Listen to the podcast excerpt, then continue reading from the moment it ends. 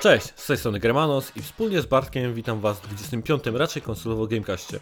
Ten odcinek zaplanowaliśmy sobie na nieco krótszy niż było to ostatnio, gdzie gadaliśmy przez ponad 3 godziny i mocno nadwrężyliśmy pewnie Waszą cierpliwość. Dlatego tutaj tylko 3 gry, 3 newsiki i na tym kończymy. A rozrosło się i tak do 2 godzin. W pierwszej części pogadamy sobie o Guitar Hero, Ratchet Clank z 2016 roku oraz nowości z PlayStation Plus Oddworld Soulstorm. Natomiast w wiadomościach mamy konflikt Microsoftu i Sony w pełnej skali, a więc MLB The Show oraz plotki na temat Kojima Productions, remake pierwszego The Last of Us i komu on tak naprawdę jest potrzebny, oraz sensacyjny news wycofania się z decyzji zamknięcia sklepów przez Sony. Będzie gorąco, mam nadzieję, że będzie Wam się to podobało i miłego słuchania. A zatem jesteśmy, 25, taka ładna liczba jak na odcinek. E, udało nam się jakoś nagrać 25 odcinków. E, raczej konsolowo Gamecastu. Tradycyjnie witam Cię Bartku w odcinku. Tak, dobry wieczór Państwu. Dzisiaj e, jesteśmy bardziej nieprzygotowani w kontekście podzielenia tego czasowego naszego odcinka. Więc po ostatnim trzygodzinnym planujemy Wam zafundować krótsze wrażenia, żebyście się nie przyzwyczaili do tego, że będziemy non-stop trzy godziny. Tak, zdecydowanie. Zabijać Waszą motywację. Tak, tak. W tym całym zakresie. Tak, to nie chcemy po prostu Waszej cierpliwości nadużywać i poddawać takim wyzwaniom. A dlatego dzisiejszy odcinek dosyć e, krótszy. E, też z tego powodu, że znaczy, ani ja, ani ty chyba nie mieliśmy jakoś tak specjalnie dużo czasu na nagranie. Tak, takie mam wrażenie. Znaczy też nie było, e, powiem szczerze, że Ostatnie, czas od ostatniego podcastu po prostu zabrał mi remnant, żeby wbić wszystkie możliwe mhm. E, randomowe rzeczy. Tak jak, nie wiem, czy wiecie, czy nie widzieliście, czy czytaliście, albo może oglądaliście też, ale mamy dostępną recenzję, którą wspólnie z Tomkiem stworzyliśmy i na kanale YouTube'owym, raczej konsolowo.com, który można znaleźć właśnie na YouTubie i też na naszym blogu, gdzie to właśnie wyrażamy, a ja dokładnie ja wyrażam swoje niezadowolenie z faktu, że szukanie jednego głupiego pierścionka zajęło 10 godzin, podczas gdy sprawdziłem w internecie, statystycznie mężczyzna tego jednego pierścionka zaręczynowego y, szuka po prostu kurde zdecydowanie krócej, więc uważam, że że to jest niesprawiedliwe, że jest zaburzona jest statystyka, i, e, ale to tak bardziej serio mówiąc właśnie fakt, że chciałem dokończyć ten tytuł sprawił, że chyba nie ograłem tych tytułów, które chciałem. A na obecnej promocji, która jeszcze kilka dni trwa, jest kilka naprawdę fajnych indyków, które mam na liście i tak po prostu nie mogę ich ani nabyć, ani też na nie patrzeć, dopóki nie skończę odpowiedniej ilości tytułów. Takie mam założenia kubki wstydu. to znowu u mnie to raczej tak wyglądało, że jak... U ciebie nie ma kubki wstydu, u ciebie jest po prostu kopiec e, niemcz, niemcuszki. Hołda, hołda tak, rozpaczy. To jest, to jest bytomska hołda, nie? Tak. Dlatego na Twitterze są co dwa tygodnie albo co trzy tygodnie losowanie tytułu, który Tomek zagra, bo już Tomek nie wie, co wybrać. Tak, no jak masz już tyle gier, do, które mógłbyś wybrać sobie z różnego gatunku i długości i tak dalej, to potrzebuje trochę pomocy. Oczywiście community gdzieś tam twitterowe mi chętnie pomaga wybrać e, kolej, kolejną grę, którą miałbym do ogrywania i jedną z nich będę e, dzisiaj y, w agendzie opowiadał będę o niej. No. Ale zanim, no zanim do tego przejdę, to właśnie poopowiadam troszeczkę o Guitar Hero.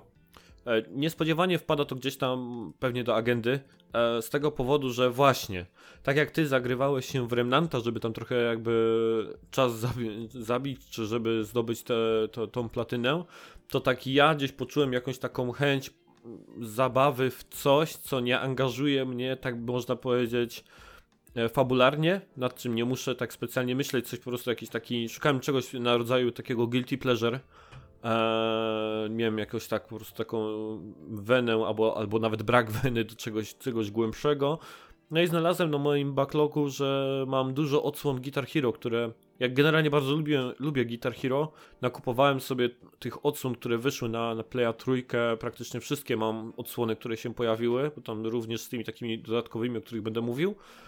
No i w, z, tak ogrywałem jedno, jedno po drugim i zacząłem od e, Guitar Hero 3, a, czyli pierwszej odsłonie, która pojawiła się na Playa trójkę, ona też była na PlayStation 2, to, była taki, taki, to był taki tytuł łączący tak jakby generację.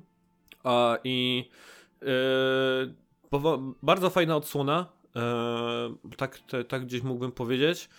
Mm, może powiem dlaczego bardzo fajna, ponieważ my z żoną ogrywaliśmy Guitar Hero 5. Piątą odsłonę już gdzieś tam ogrywaliśmy wcześniej, bo e, mieliśmy ją razem gdzieś tam z gitarą.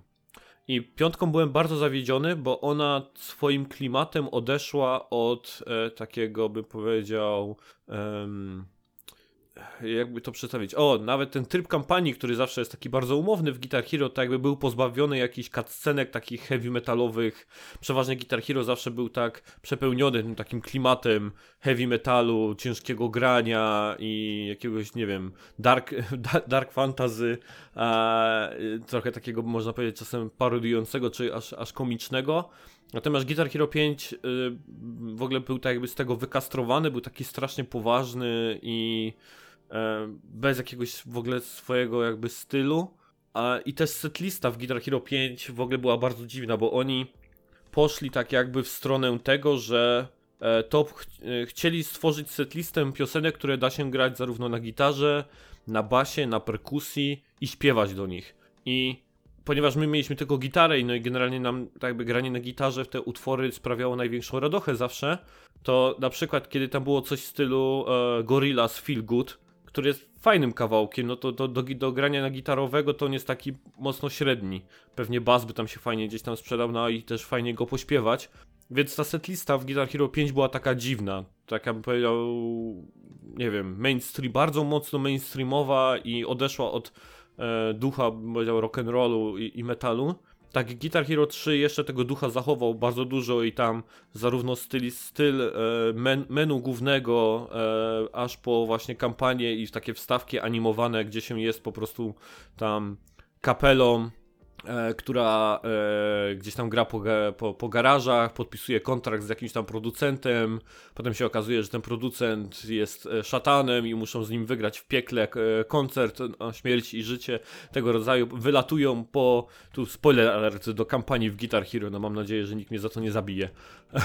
po ukończeniu trzeciej części, po prostu jak wygramy z szatanem gdzieś tam w piekle, to wylatujemy na motorach, e, które mają skrzydła smocze e, i tak dalej, więc taki mocno heavy metalowy jest e, ten, ten, ten, tryb kampanii. Tego mi brakowało gdzieś tam w tej piątce i fajnie, że trójka tak jakby wróciła do tego, e, więc e, tak, jestem zadowolony, no bo też nie, nie robię recenzji e, poszczególnych odsłon.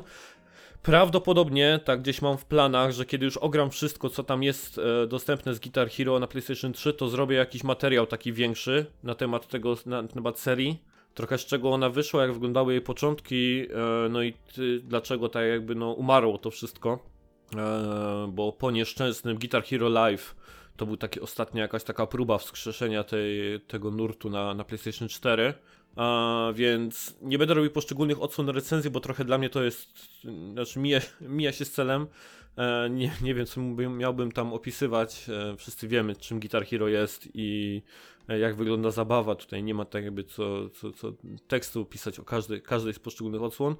A więc e, ograłem w sumie trzy odsłony właśnie. Trójeczkę, a potem się zabrałem za odsłony takie tematyczne.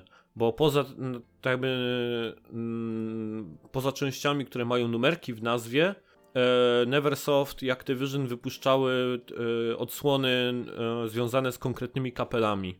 E, I zaraz po trójce ograłem sobie e, Guitar Hero Aerosmith, które było też bardzo spoko. E, były tam utwory, wiadomo, z kapeli Aerosmith, a także kapel, które, które grały z nimi na koncertach, na przykład jako support. I też jest to tam opisane, że w tym roku i w tym roku na trasie koncertowej towarzyszyła im taka kapela i na przykład jest też utwór od nich grany. Albo są też covery na takiej zasadzie, że e, jakaś, e, jakaś kapela robiła cover Aerosmith, no i to się też wtedy tam jakby gra się, gra się ten utwór, więc wszystko cokolwiek się tam znajduje na setliście jest jakoś z Aerosmith związane. Co jeszcze jest fajnego tutaj, że przed każdym tak jakby rozdziałem kampanii jest taki bardzo krótki, trochę zastawiający niedosyt, bo fajnie by było jakby tego było więcej, taki mm, mini film dokumentalny, E, gdzie są wywiady z członkami zespołu. Jest na przykład rozdział związany z rozpadem kapeli, o którym na przykład gdzieś tam nie wiedziałem. Oni opowiadają to ze swojej strony, jak tam e, się rozeszli. Potem był jeden wielki koncert, na którym znowu zagrali jako jeden zespół, i od tego czasu zaczęli tak naprawdę gdzieś tam wielki ich sukces. Potem, e, jak wchodzili do e, wielkiego Hall of Fame, e, tam ciężkiego grania, więc O tym też jest gdzieś tam jakby taki krótki film dokumentalny, a więc e, bardzo fajny dla w ogóle, dla fanów Aerosmith e, mega spoko, a jako tam do Guitar Hero do grania to, to również, e, również na plus. I e, trzecią odsłoną Guitar Hero, którą ograłem, e, była Metallica. Metallica, która jest uznawana za jedną z takich lepszych odsłon w ogóle całej, całego serii e, Guitar Hero, no bo umówmy się, e, co, co, co bardziej może pasować do, cięż, do grania w Guitar Hero e, niż, niż kawałki Metalliki. I to naprawdę robi robotę, bo sama, sama muzyka, Metallica to jest kurde taka maszyna do produkowania hitów e, i, i świetnych utworów, że cokolwiek się tam ogrywa z, z, ich repertuaru, to jest straszna zabawa przy tym na gitarze. A tutaj troszeczkę jest inaczej kampania pociągnięta, bo o ile utwory się gra jeden po drugim, odblokowuje się kolejne tam lokacje, na których Metallica faktycznie grała i style gdzieś można powiedzieć tych scen, które odpowiadały e, temu jak gdzieś tam Metallica grała na przestrzeni lat, to wszystko jest ukryte jakby za um, w takim wielkim, w takiej wielkiej encyklopedii. O, za każdym razem jak się ogra jakiś utwór, to on odblokowuje jakiś wpis w takiej encyklopedii metaliki, do której sobie można wejść. A, I tam są zarówno e, można sobie poczytać ciekawostek o, o danym utworze, e, mm, jakieś live e, materiały z koncertów, wywiady z nimi, tego rodzaju rzeczy, więc znowu to jest taka kolebka wiedzy dla fanów Metaliki. Fajne jest też to, że są tam pokazy, jak e, nagrywali sesję motion capture do, do gry. to jest bardzo fajnie widać, bo wtedy e, widać, jak oni są wszyscy ubrani w te takie stroje z tymi kuleczkami przylepionymi na całym ciele i cała ekipa gdzieś tam Neversoftu ma tak jakby koncert, nie?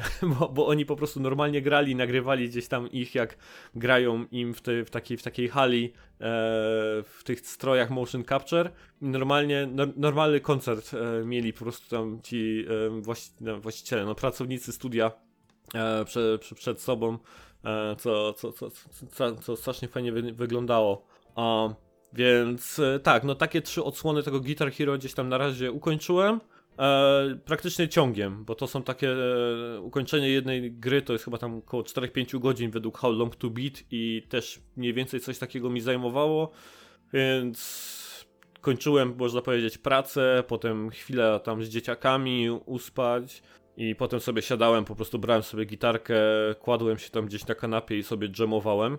I od razu tutaj nadmienię, że gram na easy. gram na easy e, i to nie jest e, żadne tam nic strasznego, po prostu moje palce tak są skonstruowane, że nie ogarniam więcej niż trzech klawiszy na, na, na, na gryfie. E, nie jestem po prostu w stanie, mam jakoś tak, że tym małym palcem nie jestem w stanie nic e, zupełnie zrobić i wtedy już przestaje cokolwiek trafiać. A swoją drogą, jeśli chodzi o poziom trudności Guitar Hero, to to jest strasznie ciekawe, bo bardzo dużo osób ma tak, że e, tak jakby wyższe poziomy trudności to nie jest jakby taka naturalna progresja, tylko są osoby, których, dla których faktycznie poziomy trudności w Guitar Hero są po prostu nieosiągalne właśnie ze względów manualnych, bo e, easy od normala różni się tym, że właśnie zamiast operować tylko trzema palcami na gryfie operuje się czterema, e, potem hard to jest, dochodzi jeszcze piąty, więc w ogóle pięcioma trzeba operować, natomiast samo easy też ma tak jakby w sobie poziomy trudności, no bo jak są piosenki bardziej wolniejsze albo szybsze, to one mają bardziej skomplikowane kombinacje, tylko że złożone z trzech klawiszy, nie? Ciągle na easy. A więc nie jest to tak, że to jest po prostu tam wszystko jest y, tak samo łatwe na jednym poziomie trudności, tylko to też się jakby tam waha. Mówię, że jest to ciekawe, bo kiedyś pamiętam, że Mark Brown na swoim Discordzie właśnie pytał o poziom trudności w grach, bo chyba szukał jakiś tam refek czy informacji do materiału i wtedy mu napisałem, że Guitar Hero ma właśnie bardzo ciekawy ten, ten system poziomu trudności, że właśnie na easy, easy też się waha, nie? Że mimo tego, że to jest jeden poziom trudności, że się wybiera, to na nim też są różne piosenki o różnym skomplikowaniu i tak dalej. E, no i wtedy też właśnie mówił, że o, to na pewno Guitar Hero też gdzieś tam umieści w materiale, bo to, to jest akurat ciekawy pomysł. E, więc, e, więc tak, taka moja przygoda z Guitar Hero, te trzy odsłony sobie ukończyłem.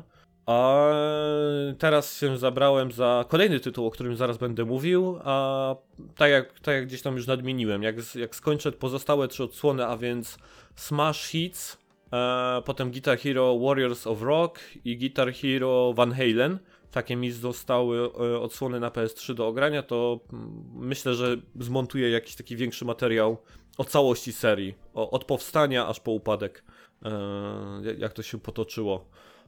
Nawet nie będę pytał, czy masz jakieś pytania, Bartek, do Guitar Hero, bo. A, a czy może ja tak zapytam, czy ty w ogóle grałeś e, w Guitar Hero? Powiem ci, że tak, ku twojemu zaskoczeniu pewnie, ale to jest gra, która nie do końca mi odpowiada z różnych powodów, że ja potrafię nie dobrze, ale potrafię grać na gitarze zwykłej. Mhm. I klasycznej, i elektrycznej, więc dla mnie po prostu próba, próba, grania w tą grę to jest próba też tam w tę grę, to jest po prostu próba walczenia z samym sobą. A wiesz, że dużo osób gra... tak mówi właśnie, że jeśli ktoś potrafi grać na gitarze, to właśnie Guitar Hero tak kiepsko im idzie. Tak, mi po prostu szło fatalnie, ja nie mogłem się przestawić, nie wiedziałem dlaczego tutaj nic nic mam to naciskać. Musiałbym nie słuchać muzyki i naciskać po prostu, wiesz, e, w rytm utworu, który tak de facto ty śmiałeś tego, z Gorillaz, nie? Mhm który jest jeden z utworów, który też potrafię zagrać, który jest dość banalny, ale który się fajnie po prostu brzdęka, e, bardzo fajnie rytmicznie. I pamiętam, że niektóre utwory właśnie y, bardziej zaawansowane i mniej zaawansowane powodowało mnie taki oczopląs, że po prostu ja w pewnym momencie się gubiłem.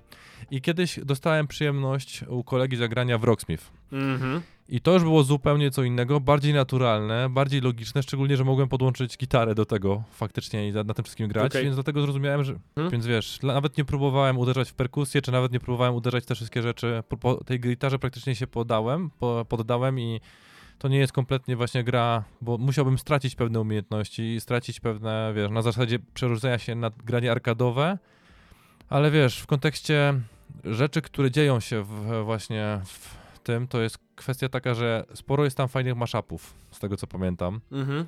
E, I nawet jadąc do Rostoku kiedyś do klienta w trakcie jednej delegacji słuchaliśmy płyty zapełnionej właśnie różnego rodzaju mashupami fajnymi. Mhm.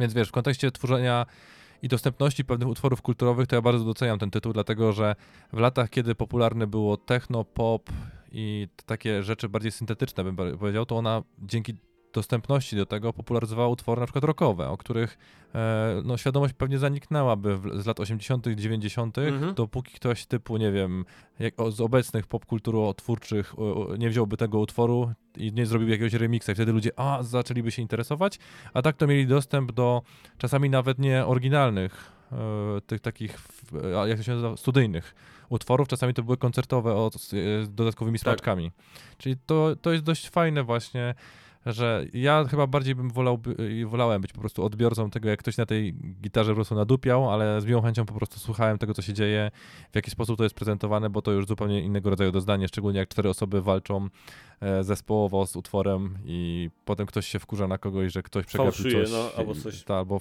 przegapił, albo nie uderzył w jeden z talerzy. Mhm. U nas w firmie w końcu w tym, nie? Był tak. te, cały zestaw perkusyjny. No, troszkę tam był eksploatowany. Tam pamiętam, że byli ludzie, którzy gdzieś tam na tym, e, na, na tym ciorali i pamiętam, że wtedy też w biurze Metallica była ta, bo była ta odsłona, to była uznawana za taki e, hardcore, nie? Że, że, że, że jakby była takim poziomem trudności gdzieś tam wysokim. No i to, to faktycznie jest jest, że ten, ta część Metallica jest dosyć trudna um, mhm. do, do, do, grania. E, ale tak, ja się w zupełności zgadzam z tobą e, i właśnie to też gdzieś tam w tym materiale tak mam takie ambitne plany, żeby gdzieś to też tam ugryźć, bo tak jakby z historią e, Guitar Hero, z jej tak jakby wzrostem i upadkiem też gdzieś tam połączony jest sytuacja po prostu grania rockowego i, i, i ciężkiego po prostu w kulturze.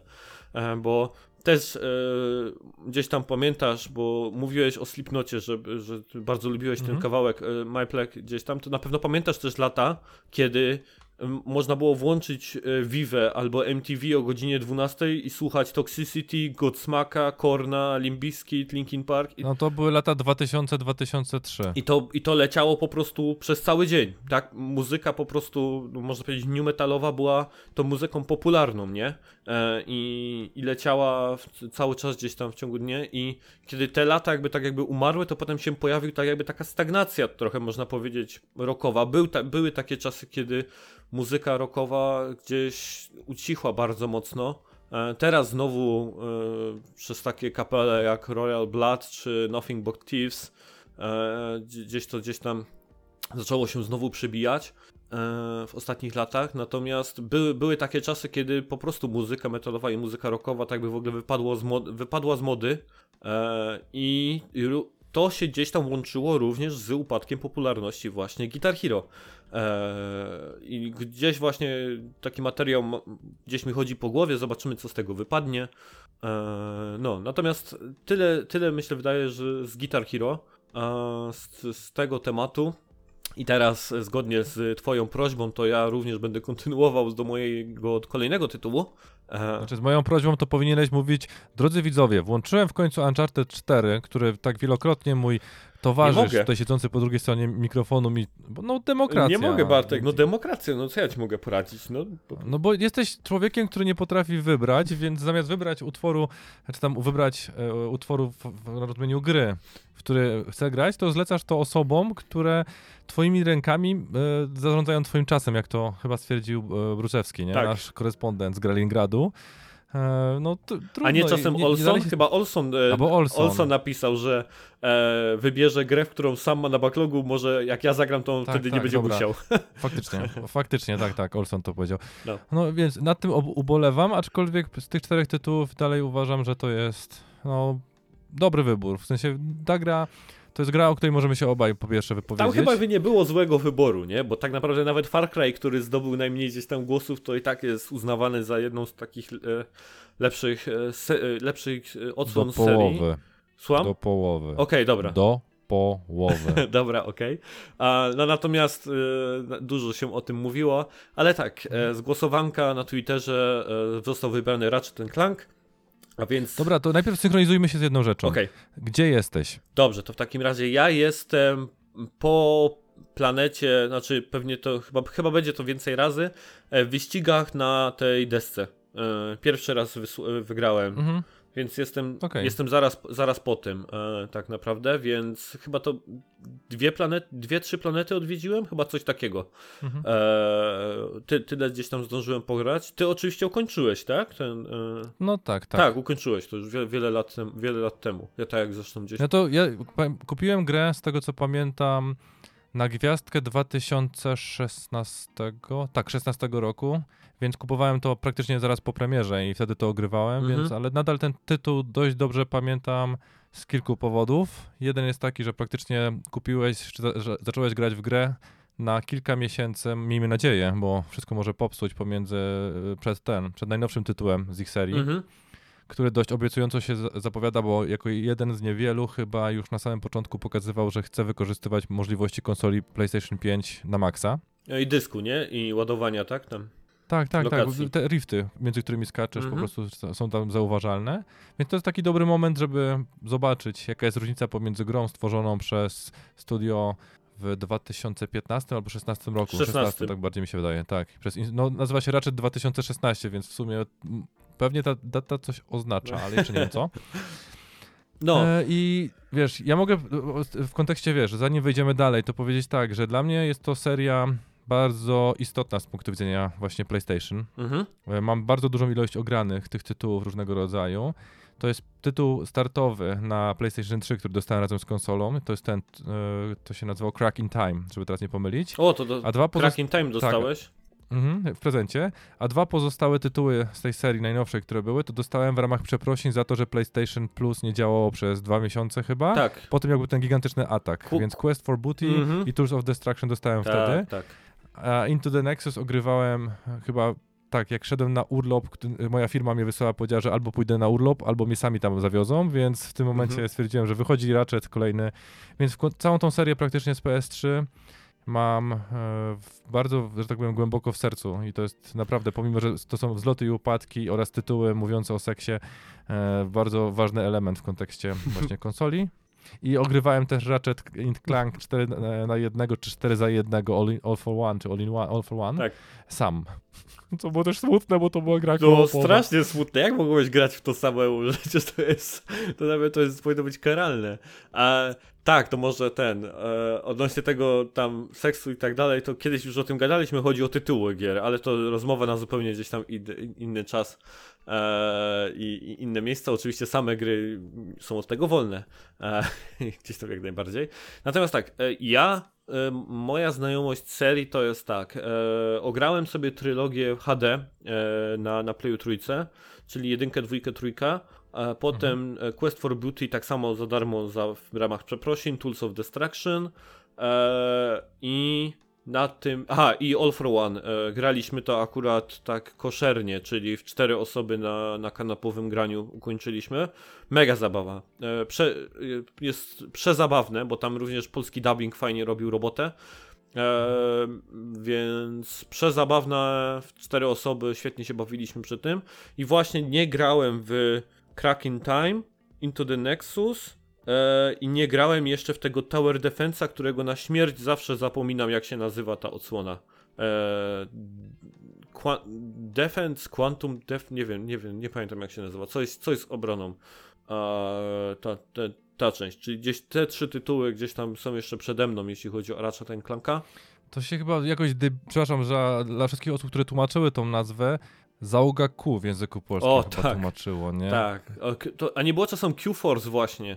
Albo Q-Force, tak, tak, bo pamiętam właśnie, że nie wiedziałem jaka, jaki jest odpowiednik i zobaczyłem ten tytuł i tak mi się teraz przypomniało, kurde, jak ty mówisz Tower Defense, to może to jest załoga Q. Tak, tak, tak, tak, tak, to się tak. nazywało tak debilnie. Tak, tak, tak, dokładnie to Q-Force to chyba było, e, co było straszne jakimś takim dziwną częścią, pamiętam, to też oni, oni próbowali różnych rzeczy z Ratchetem po prostu. E, to wszystko było przed Nexusem. Potem Nexus był takim bardzo późnym tytułem w ogóle, bo Into the Nexus to był tytuł, który wyszedł już na sam ostatnim roku PS3, chyba już nawet, czy, czy już nawet PS4. Tak, tak, tak, 2013 rok. A to chyba właśnie... było PS4 już bo właśnie było na rynku. I on... Nie, nie, nie było PS4 chyba wtedy. Właśnie ja nie pamiętam. To, było... to, był taki dziwny tytuł, bo Sony lubi takie rzeczy robić, że kiedy już jest następna konsola, to oni jeszcze wypuszczają ekskluzywę na poprzednią. Tak samo było z Gran Turismo. E, nie, nie wydaje mi się, że to było na, na 100% na PS3, bo ja o to Nie, no było jeszcze... na PS3, ale na rynku tak jakby już chyba PS4 była, a oni dalej to wydali jeszcze jako na PS3, bo było robione pod PS3. Tak mi się wydaje właśnie, że to tak, tak było, ale to możemy sobie datami gdzieś tam potem sprawdzić na wiki. Ale tak, po tym długim wstępie to gram faktycznie w Ratchet Clank 2016, e, czyli w remake... Dwa tygodnie przed. Dwa tygodnie przed, okej. Okay. E, w remake pierwszej odsłony, który jest czymś więcej niż remake'iem i to mi już te pierwsze moje minuty gdzieś tam sprzedały. E, pierwsze wrażenia możecie sobie zobaczyć na kanale raczej konsolowo na YouTubie. To już trzecia reklama dzisiaj? Tak jest. E, jeszcze nam zostało do odhaczenia. Ile tu jeszcze cztery razy musimy powiedzieć? Dobrze. Tak, bo inaczej żona Tomka znowu powie, że mamy marketing poniżej normy. Tak, no. Teraz ostatnio było głośno o SEO e, polskiego game devu i tak dalej, więc musimy się w to wpisywać. Więc e, jest czymś więcej niż po prostu remake'iem, e, jest bardziej rebootem chyba tak bym to mógł gdzieś tam nazwać, ponieważ dużo daje e, od siebie do, do pierwszej odsłony. Między innymi z tego powodu, że jest tak jakby całość fabularnie opisana w ten sposób, że to są wspomnienia Quarka. Quark tak jakby jest narratorem i opisuje zdarzenia, które tak jakby wykonywał e, Ratchet i, Ratchet i Clank. E, co oczywiście generuje swego rodzaju zabawne sytuacje, no bo wszystko tak naprawdę, co się gdzieś tam z Quarkiem łączy, to wiadomo, że będzie na pewno zabawny, zabawny lub, lub przezabawne. Na pewno kompetencja nie idzie jako przymiotnik, który chcemy użyć wobec kapitana Quarka, tak. prezydenta galaktyki i w ogóle. Tak, więc tak, tak, tak. Więc nie, uwielbiam po prostu gościa. Dla mnie to jest taki trochę Johnny Bravo. Tak, nie wiem, jakoś mi się kojarzy Johnny Bravo, jak tam, jak go widzę na ekranie. E, więc e, no tak, no i gram sobie w niego. E, co mogę powiedzieć na samym starcie, to właśnie to, że jestem zaskoczony, że to jest reboot, co tak jakby zaskoczony jestem na plus. Wygląda bardzo ładnie. Eee, ja sobie gdzieś tak zapisałem w moich notatkach, że wygląda nierówno, ale to na zasadzie takiej, że albo wygląda ładnie, albo wygląda przepięknie. Na, na taki, że, że, że, są momenty, kiedy gra po prostu wygląda ładnie, a potem pojawiają się jakieś albo jakiś fajny plener, albo e, cutscena, która robi wrażenie i wtedy wygląda naprawdę ślicznie. Więc e, jestem zadowolony jakby z tych wizualiów. Podoba mi się też, że troszeczkę został przemodelowany jakby sposób e, e, upgrade'owania broni. E, przeszkadzał mi, pamiętam, w jedynce, w pierwszym raczecie e, coś ze strzelaniem. Ja w końcu miałem zajrzeć do mojej recenzji tej HD kolekcji. Tam coś było dziwnego ze strzelaniem. Czy nie można było chyba e, i strzelać? E, co, coś było nie tak ze sterowaniem, co potem zostało w dwójce naprawione. A to tutaj jest bardzo płynne, zarówno te część, ta część platformowa w rozgrywce, jak i część związana ze strzelaniem. Działa to, działa to super. A, I muszę powiedzieć, że jestem bardzo, bardzo się cieszę z tego, że akurat Ratchet ten Clank wygrał, bo nie ukrywam, że gdzieś tam ostatnie jakby newsy czy wydarzenia na świecie, które się gdzieś tam podziały w pewien sposób trochę, trochę mnie podołowały z różnych względów. O niektórych z nich będziemy nawet dzisiaj e, mówić sobie, bo są związane z Sony, a niektóre są związane z moją drugą pasją, z piłką nożną. I Ratchet Clank jest takim bardzo fajnym plasterkiem na to wszystko, bo jest zabawny, jest uroczy, strasznie przyjemnie się w niego gra i po prostu czas spędzony przy konsoli, przy takim tytule jest to jest, to jest e, coś wspaniałego. Więc yy, na pewno zamierzam dalej grać. Jak tylko dzisiaj skończymy, to zamierzam wracać do, do Ratchet Clanka. Podoba mi się to połączenie takiej platformówki i strzelania z bardziej naciskiem na strzelanie bo tutaj jest jednak więcej, więcej bym powiedział z shootera niż takiego niż platformera e, w tej serii. E, no i co? No i czekam też na tą, na tą, nową, na tą nową odsłonę. Ty ją masz na swojej liście zakupów, Bartek? Day One? Nie, Day One nie, nie. Ja już chyba niczego nie mam Day One na liście zakupów powoli. Przestaje moja ufność z każdym, że tak powiem, dniem do tytułów i kupowania ich Day One maleje. Mhm. Ogólnie rzecz biorąc, kilka rzeczy dopowiem do tego, co mówiłeś, bo to jest dość istotne. Dziwnym zabiegiem, który był wydany w 2016 roku, było wypuszczenie jednocześnie filmu kinowego i tej gry. One są uzupełnieniem i tak jakby Faktycznie tak niektóre tak sceny wyrwane z tego, z filmu, pojawiają się tutaj. Dlatego pojawiają się informacje o tym, że nie można nagrywać, dlatego że licencja do tego filmu jest po stronie Sony, z tego co pamiętam. To dlatego e... niektóre cutsceny są po prostu zablokowane jako tam, że... Tak, tak, tak, to, to, to dokładnie chodzi i dlatego Patrz. czasami mhm. po prostu masz wrażenie, jakbyś nie był do końca obecny w historii. Przynajmniej ja tak miałem, wiesz, przez całość trwania tego tytułu, że są takie momenty, mhm. gdzie zastanawiałem o co chodzi, aż potem się po prostu okazało, że właśnie, że jest to powiązane z tym, że istnieje film i że tak jakby gra jest uzupełnieniem do filmu, albo film uzupełnieniem do gry. To już jest tam w zależności od tego, kto co woli. To też z tym może e... być związane te takie moje trochę takie wahania pod kątem grafiki. E, bo, bo mam wrażenie, że czasem ta gra po prostu wygląda inaczej. E, tak, bo ona wygląda inaczej. To nie jest łamanie grafiki. To jest kwestia tego, że to nie są czasami cutscenki, tylko to są prerenderowane filmy, elementy filmu właśnie. Stąd wiesz, to co mówisz, to faktycznie brzmi jak raczej to, niż błąd po stronie e, panów z Insomniaka. Mhm. I co dalej można powiedzieć o tej grze? Wiesz, ja ją bardzo miło, mile wspominam.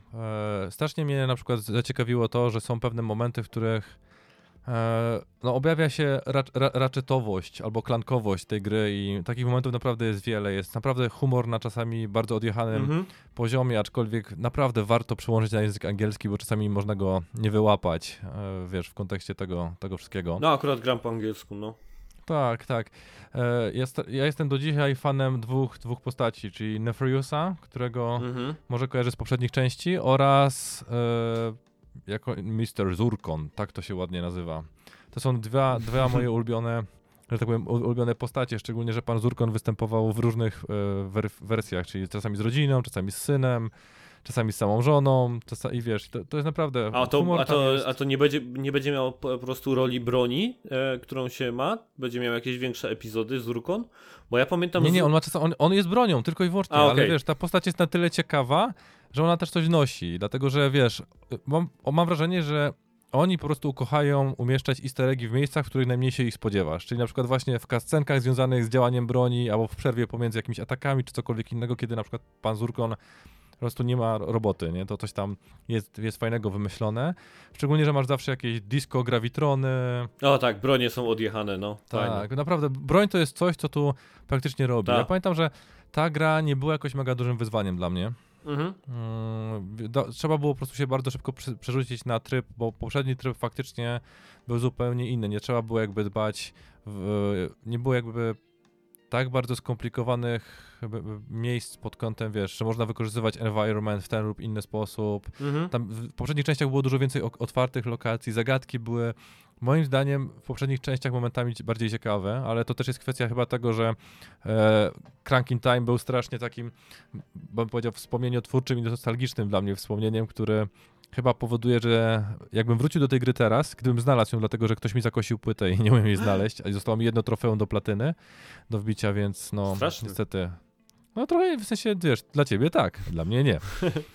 I e, dlatego wiesz, z jednej strony to jest fajnie, że on się pojawił, ale z drugiej strony właśnie miałem wrażenie, że on jest troszeczkę taki najmniej raczetowaty z tych poprzednich części. Czyli widzia- po prostu zauważałem braki, zauważałem tak jakby, wiesz, że zmienił się odbiorca, że troszeczkę jakby chcieli odmłodzić grę. I ona jest skierowana do ludzi młodszych niż na pewno ja. No to nie mm-hmm. trudno, nie? Bo to w końcu jest bajka, ale przez to właśnie, że musi być ta spójność z filmem i musi być ta spójność, tak jakby troszeczkę obniżyli poziom żartów i poziom ugryźliwości tej gry. No wiesz, tak, no, bo, to, to, bo, Tak to się troszkę odczuwa. No tak, bo oryginalna trylogia to wiesz, to są dalej lata gdzieś tam wczesnego tam XXI wieku, czasy PS2, e, mhm. gdzie, gdzie humor po prostu, wiesz, leciał w taką stronę czasem, wiesz... Mm, takiego, no chamską. Tak, tak takiego tak, no, tak, tak, tak, tak, tak, tak, chamską, które dzisiaj można powiedzieć nie wypada już robić w grach. Więc e, jasne, że jest pewnie trochę, tro, trochę grzeczniejszy. E, to też jest ciekawe, co mówisz, bo faktycznie też gdzieś tak ma taki vibe trochę bardziej dzie, dzie, dziecięcy, mimo tego, że mhm. dużo się strzela. E, to, to no faktycznie jest, jest, jest, taki, to, jest taki ton, znaczy jest bardziej stonowany, o tak to mogę gdzieś tam powiedzieć, nie?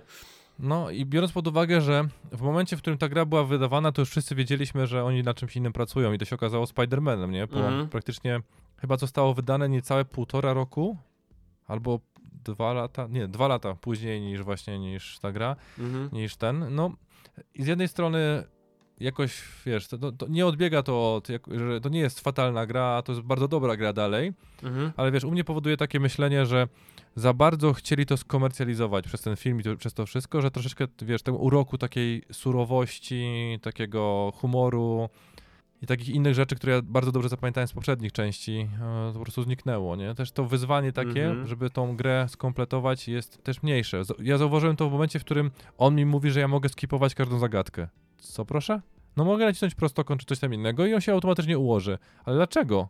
I to też pokazuje, że wcześniej jak wiesz, jak e, żeby znaleźć wszystkie śrubki, czy jakiekolwiek inne rzeczy, czy tam oni się nazywali chyba Zoni, o ile się nie mylę, żeby tego całego Rhino skompletować, to trzeba było naprawdę się momentami namęczyć. To faktycznie było wyzwanie, na przykład mając shotguna na arenie jednej, trzeba było nie zdobyć ani jednego obrażenia, nie, żeby przejść -hmm. dalej. I to bo faktycznie były wyzwania, to się próbowało dwa, trzy razy, czasami się jakiegoś, za przeproszeniem, pieprzonego małego robocika nie zauważyło, dotykał cię i od nowa, nie? A tutaj e, no, te wyzwania są o niebo niższe i też ta gra troszeczkę momentami właśnie jest nastawiona na, na samo przechodzenie, więc warto w tym momencie zainwestować, chyba tam wyższe są poziomy, po prostu bardziej ciekawe pod tym, więc nawet nie warto się zastanawiać, czy normal, normal to jest tak jakby chyba minimum z tego co pamiętam, aczkolwiek mogłem nazwy poziomów, wiesz, popierniczyć kompletnie. Mhm. Ale filmu nie warto oglądać. Ja zobaczyłem i stwierdziłem, że gra tak, jest zdecydowanie lepsza. Film, film podobno straszną jest kichą, nie? No, więc dlatego jakby nie było tych kascenek, to wcale bym się tak nie wkurzył. Mm. Jakby nie było filmu, tym bardziej bym się nie wkurzył. Mm. Aczkolwiek wiesz, grę przeszedłem i naprawdę miło wspominam e, te święta 2016. Gadaliśmy, nie? Na ostatnim odcinku o wojażach Sony na wielki ekran, nie? Mhm. To tak I przypomniało mi się jeszcze, muszę zrobić sprostowanie do samego siebie sprzed mm, 16 minut. Kupiłem grę po premierze w kwietniu i leżała u mnie na dysku przez pół roku z powodu tego, że miałem dziwną sytuację w projekcie, a dokładnie zmianą projektu. I dopiero na święta znalazłem pierwszy moment, żeby znowu nagrać. Więc to jest kwestia, że niestety premiera była w kwietniu, a ja zagrałem w grudniu, więc to nie Nasi jest, że słuchacze docenią, że jesteś taki szczegółowy, Bartek. I sam nie, siebie, muszę po... sam siebie tak, Muszę poprawiać się.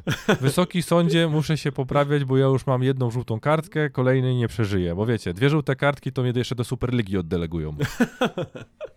No ale tam sama elita przecież. A, no, no dobrze. Chwili, mamy, czekaj, mamy 22.22, 21 kwietnia. Nie wiem, czy wiecie, ale w Superlidze są tylko dwa zespoły. Już dwa, bo były trzy jeszcze godzinę temu. Podobno już Juventus się wypisał. O. Więc, e, ale dzwonili, zadzwonię do Odry Wodzisław, może będą chcieli wskoczyć na to no, miejsce. No tak, dziwię się, że prezes Legii jeszcze tam się nie, nie pcha do środka. Dobra, zostawmy może ten temat, on pewnie gdzieś tam wróci. E, no i tyle z mojego Ratchet Clanka. E, nie jest to długi tytuł, więc prawdopodobnie do następnego odcinka już go ukończę. E, no i co? I potem recenzja, do której też was gdzieś tam zachęcam do, do śledzenia, kiedy się pojawi. E, I tyle dość z mojego gadania, 40 minut mojej paplaniny. E, a teraz przechodzimy do tytułu, który ty sprawdziłeś. Nie grałeś w niego dużo, bo tak jak mi pisałeś, to tam go chyba na godzinkę czy tam na dwie go odpaliłeś. Mhm. Natomiast dostaliśmy e, wpis pod naszym twitterowym ogłoszeniem z agendą od Bruczewskiego z Gralingradu Nieśmiertelnego. I który napisał w ten sposób: Chętnie posłucham o wrażeniach Soulstorma, Lord Lanning mówił, że stworzenie tej gry to jego marzenie i cel, e, ale podobnie tytuł wygląda na wydany pośpiesznie i jest niedopracowany. E, mnie jeszcze zastanawia, co tam robiły te wszystkie studia, i tutaj umieścił taką grafikę, w którym widać wszystkie studia, które co-developowały e, razem z Oddworld Inhabitants, chyba oni się tak nazywają, a więc ekipa Lord Lanninga, ten tytuł. W ogóle Lord Lanning, jeżeli ktoś gdzieś tam nie kojarzy typa, mega facet, znaczy mega facet na takiej zasadzie, że jak się go słucha, e, jego e, opowieści o branży, doświadczeniu, game designie, to jest taka przyjemność słuchania, to jest, bym powiedział, poziom przyjemności kojenia duszy, jak Mark Czerny opowiadający o prędkościach dysków twardych. E, więc e, on zniknął, Lanning, bar na, na, bardzo długo gdzieś tam z, z mediów. Ja pamiętam kilka lat temu, kiedy pojawiał się w różnych podcastach jako gość e, i fantastycznie się go słuchało, naprawdę. To, e, bardzo mam dobre zdanie o, o gościu, ale też słyszałem, że ten Soulstorm nie jest takim, bym powiedział, mega mega wisienką e, jego gdzieś tam działalności. No i jestem ciekaw, Bartek, jak ty po, tych, po tym krótkim czasie z tytułem, e, jak, jak, jak ty to oceniasz? Powiem tak, ja mam z tym tytułem dość duży problem, bo nie będę nawet ukrywał, że tytuły wcześniejsze typu Ape, Odyssey czy Exodus to były rzeczy, które ja pamiętam bardzo dobrze, szczególnie, że tam chyba do jednego utworu nawet Bomb Funk MCs, tak się chyba ten zespół nazywał. Nie, Music Instructor Get Freaky. Albo Music Instructor, właśnie, w drugą stronę. E, więc to były, wiesz, tamte tytuły to są te, które ja bardzo dobrze pamiętam i nawet pamiętam, że ogrywałem je na studiach. Potem jak dorwałem chyba jakąś reedycję HD czy coś w tym stylu, teraz już nie pamiętam jak to, jak to faktycznie funkcjonowało. I to była dla mnie kwintesencja właśnie Abe'a, którego poznałem, czyli so, gra jest trudna, gra momentami praktycznie nie wybacza. Widać, że były to taki, wiesz, taki fajny klimat, że nie przeszkadzało mi wczoraj, że wcale, że to nie było nawet, tam, możemy to nazwać 2,5D, 2,9D, czy cokolwiek chcemy, ale to była właśnie bardzo fajna platformówka, która skupiała się na tym, żeby odpowiedzieć jakąś bardzo ciekawą historię. I miała też swój klimat. Tam była muzyka, taka dość bym powiedział, z tego co pamiętam, spójna, troszeczkę taka mroczna i te, przez to wszystko się przebijało ten taki jako inkantacja, jak on się tak, wiesz, modli, no, nie wiem, czy modlił, czy medytował, czy cokolwiek innego, dzięki mm. któremu mógł przejmować przeciwników. I to były te fajne mechaniki, które wtedy były nowe i odświeżające. I nie ukrywam, że trochę na ten tytuł się wkurzyłem w momencie, w którym zobaczyłem reklamę, w której można Chyba było powiedziane, że ma, znamy tysiąc nowych sposobów, żeby zabić. Oj, co proszę? -hmm. Wiesz, pamiętam jak, jak oglądaliśmy. I to było dość dziwne. I w momencie, w którym zacząłem grać w grę, zauważyłem, że to przeniesienie do tego świata 2.9D, kiedy faktycznie niby chodzimy w lewo, w prawo, góra, dół i tak dalej, z małymi przemieszczeniami, ale wiesz, narracja ciągnie się przez długie korytarze, tak jakby utworzone, których jest ta 3D-owość widoczna, nie? Czyli widać ten trzeci wymiar, widać to wszystko. Nie wiem po co ta głębia w ogóle nic nie zmienia w rozgrywce. Jakbyśmy przechodzili pomiędzy kolejnymi etapami, idąc tylko i wyłącznie w lewo, w prawo, góra i dół, ta gra byłaby nadal, wiesz, grywalna. A tutaj pojawiają się jakieś cutscenki e, związane z przechodzeniem, po to, żeby popatrzeć, jak przylatuje na to jakiś samolot, samochód, czy cokolwiek innego się rusza. Nic to nie wnosi kompletnie, wiesz, do danej sceny i to jest, to, to, to jest taka jakby przeszkadzajka, nie? Żeby pokazać tak de facto, że w tej grze chodzi o to właśnie 2.9D-owość, nie? czyli że mamy ten dodatkowy mhm. wymiar, z którego de facto nic nie wynika. Gra się przyjemnie, ale odnoszę wrażenie, że już to grałem. Że jak to, mam te dwie godziny wbite i mówiąc po prostu popularnie nihil nowi, nie wprowadziliśmy jeszcze nic kompletnie nowego, poza kilkoma takimi mechanikami, które teoretycznie są nowe, ale nie wnoszą nic ciekawego do, wiesz, do samej gry. Że gra zmienia troszeczkę style, gra, tutaj się czasami się trzeba skradać, tu czasami trzeba rozwiązać zagadkę, te zagadki na razie nie są trudne, ani nie są w żadnym stopniu skomplikowane, można to przechodzić na różne sposoby, można, wiem, że niektóre miejsca da się przejść skradając się, odwracając uwagę, podpalając, czy cokolwiek innego, czy nawet, wiesz, przejmując przeciwników i mordując ich. Mhm. Ale problem jest taki, że niewiele więcej mogę powiedzieć. Jeżeli to jest opus magnum, czy opus dei, i teraz nie pamiętam, chyba opus magnum to było, czyli wiesz, tak. tak, życiowe osiągnięcie, no to trochę słabo, panie kierowniku, trochę słabo, bo mhm. nie chcę nic mówić, ale Remnant, który mnie przemęczył miesiąc wcześniej, zdecydowanie miał, miał więcej w sobie nowych rzeczy i miało więcej rzeczy, które mnie do siebie na dłuższą metę przeciągnęły, a tutaj tego brakuje. Może będzie powyżej dwóch godzin to, tego więcej, aczkolwiek widzę po prostu, jak napisał właśnie Brucewski o tym niedopracowaniu, to zauważam po prostu, że komuś chyba się nie chciało AI opracowywać. I te milion sposobów na zabicie, to tak de facto jest właśnie chyba recenzja stanu AI, bo oni są mega głupi na razie. Nie wiem, czy to jest błąd. Chyba już znaczy, 7 czy 8 razy restartowałem Trochę grę. taki mają być, nie? Bo sam Ape też nie jest jakimś tam spryciulą, to chyba cała rasa właśnie miała być tak stworzona, że nie? Że to są takie tempelemingi. No trochę ta, właśnie, to chyba użyłeś słowa, które mi przychodzi do głowy. Tempelemingi. Ale na tyle tempę, że czasami wpadałem, dokładnie, o tych restartach wrócę i powiem, że hmm. wpadałem w taki stan, że musiałem restartować, bo nie dało się kompletnie nic zrobić. Oni mogli utkwić po prostu w miejscu, w którym ja po prostu chodziłem sobie w lewo, w prawo i nic, nie? Mhm. I ta, ta chyba ta kwintesencją takiego stwierdzenia jest to, że w pierwszej planszy oni są najbardziej inteligentni. Wiesz dlaczego? Bo nic z nimi nie robisz. Oni po prostu tylko idą w prawą stronę. Idą, idą w prawą, idą w prawą, nie? Mhm. E, I tutaj w przeciwieństwie do Maria powiem, na przykład, że w Mario idziemy tylko w prawą stronę w pierwszym, a tutaj można też jeszcze iść w lewą. O. wow, innowacja pierwszej klasy, nie? No, Żadnej, żadna, żaden scroller, side-scroller nie miał takiej rzeczy. I no właśnie, wiesz, chciałbym coś powiedzieć ciekawego, coś mądrego o tej grze i coś zachęcającego mm -hmm. do mhm. tego, wiesz, do faktycznie do przyjścia, do zagrania.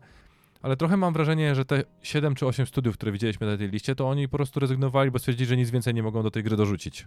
Mm. I, tego troszeczkę się obawiam. I nie, nie dlatego nie zagrałem dwie godzin, y, więcej niż dwóch godzin, bo nie miałem czasu, tylko trochę tak chęci nie mam, wiesz? Mm. E, minus jest tego taki. To słabo. Tak, minus jest no. Powiem ci jeszcze jedną rzecz, która mnie zaskoczyła. Ktoś kiedyś zażartował, e, że jest za dużo save pointów w Dark Soulsach 3, że praktycznie przejdziesz loka pół lokacji i kolejny save, kolejny ten, ognisko mhm. się pojawia, nawet czasami przed bossem i po bossie, więc tego jest za dużo. Tutaj praktycznie za każdym razem, przy każdej takiej e, kombinacji, znaczy takiej lokacji mniejszej, czy to jest zagadka, czy to jest przejście, jest save. I naprawdę jest ich zdecydowanie za dużo. I to tak by wiesz, kolejne ułatwienie dostosowujące nas do potrzeb obecnego rynku, czyli żeby gry stawały się coraz prostsze. Życzę sobie, żeby po tych dwóch godzinach, czyli jak będę dalej w grę szedł, żeby to się zmieniło, że może to jest taki po prostu przydługawy tutorial. Zauważyłem po prostu, wiesz, są kascenki, które opowiadają znowu historię Abe'a, że ktoś tam się mści, ktoś tam się wkurza, czyli wiesz, jest też storytelling. Mhm. Ja nie do końca czuję ten klimat. Dla mnie to jest troszeczkę bardziej takie teraz przez to chyba przez lokacje, w których się znajdujemy, zbyt jasne, zbyt troszeczkę cukierkowe. Że tak, bo pamiętam, że tamte byłem... odsłony to były raczej fabryki, nie? Jaskinie takie tak, ciemne, Tak, tak, ten świat był brudny, mokry, tak. zasyfiony, mhm. a tutaj wychodzimy na pustynię, tutaj idziemy ten, kurde, tak jakby wiesz, ja zdaję sobie sprawę, że zróżnicowanie jest, jest spoko, żeby prezentować nowy silnik i grafikę, ale znowu, brakuje mi tego klimatu. Ten taki klimat, wiesz, jak sobie wyobrażałem to, potem do tego wracam w pamięci, że to było takie zniewolenie, że oni, wiesz, mm musieli pracować w fabrykach, że mamy taką jakąś formę totalitaryzmu. Znaczy oni w ogóle pracowali, a potem przerabiali ich chyba na karmę, nie? Tak. Czy na coś, nie? Tam chyba ta, tak, czy... tak, tak. A no. tutaj, no tak jakby, mówię ci, coś zgasło, czar pryzł i odcinamy kupony od, wiesz, od nazwy, więc no trochę nie potrafię się wczuć w ten klimat, wiesz? To, mm. to jest chyba mój największy zarzut. Nie potrafię się wczuć, żeby się zmotywować, żeby przejść dalej. No pewne jest... po prostu e, wzorce po prostu przemijają, nie? I po prostu e, wiesz, old games old, nie? Jakby to można powiedzieć, to można powiedzieć. No słabo, muszę powiedzieć, że tak jak ciebie słucham, to trochę słabo, bo bardzo ch chciałem, żeby ten tytuł był czymś fajnym e, i nawet gdzieś tam powiedziałbym ciebie e, czy ja pamiętam twoje gdzieś tam reakcje na zwiastuny, które gdzieś tam między innymi też razem oglądaliśmy, że raz to było właśnie, że o kurde, to w ogóle nie jest dla mnie, potem był zwiastun, że gdzie o jednak, może coś będzie ciekawego i tak dalej, więc e, gdzieś tam miałem nadzieję, że wypali to lepiej. Wiesz, no czegoś można było się spodziewać, że jednak wrzucili to jakby ten day one do tego PlayStation Plus. To już był jakiś tam taki hint, to też nie chcę tak jakby teraz, wiesz, demonizować wszystkiego, co się pojawi w plusie. A, aczkolwiek, no, pewne gdzieś tam fakty są niestety niepodważalne. Sytuacja... No, spojrzałem na ten, wiesz, na Metacritic e, w kontekście tego tytułu mm. i mhm. wychodzi w chwili obecnej, że ma ocenę 6.0 na podstawie 76 rankingów. To jest... E, ratingów, przepraszam. To jest słabo. Ja wiem, że teraz ktoś mi powie, 6.0 to jest tam powyżej połowy. E, w dzisiejszych czasach, dzisiejszej branży i tak dalej, to jeżeli taki tytuł nie przechodzi gdzieś tam tej takiej właśnie siódemki, to to nie jest, to no, nie jest dobrze. Przeczytam ci kilka rzeczy, które się pojawiają. E, na przykład e, too much sound. Oddworld was about subtly. Explosion sounds fine, etc., etc. Czyli widać po prostu też, że jest, e, że ludzie chyba za bardzo, no, tak jak ja, może to jest nasz problem, mhm. ale zbyt nostalgicznie podchodzą do tego tytułu. Czyli wiesz, z jednej strony dostajemy coś za darmo i to jest naprawdę fajne do ogrania, ale z drugiej strony, no sorry, ale troszeczkę bym się więcej spodziewał po czymś, co ma tak długą linię melodyczną, która zaczyna się w 97 roku. Czyli, że wiesz, e, równie dobrze mogli sobie nakręcić film, przepraszam za stwierdzenie, do tego wszystkiego i wydać oprócz tego grę. Mhm. No, no smutnie troszkę. Ja też, że no ponieważ wiadomo, mamy to gdzieś tam w plusie, też oczywiście wszyscy, którzy są abonentami PlayStation Plus, to pamiętajcie, nie musicie tego ściągać, ale do biblioteki dodajcie wszystkie gry. Um, więc gdzieś to na pewno tam sprawdzę.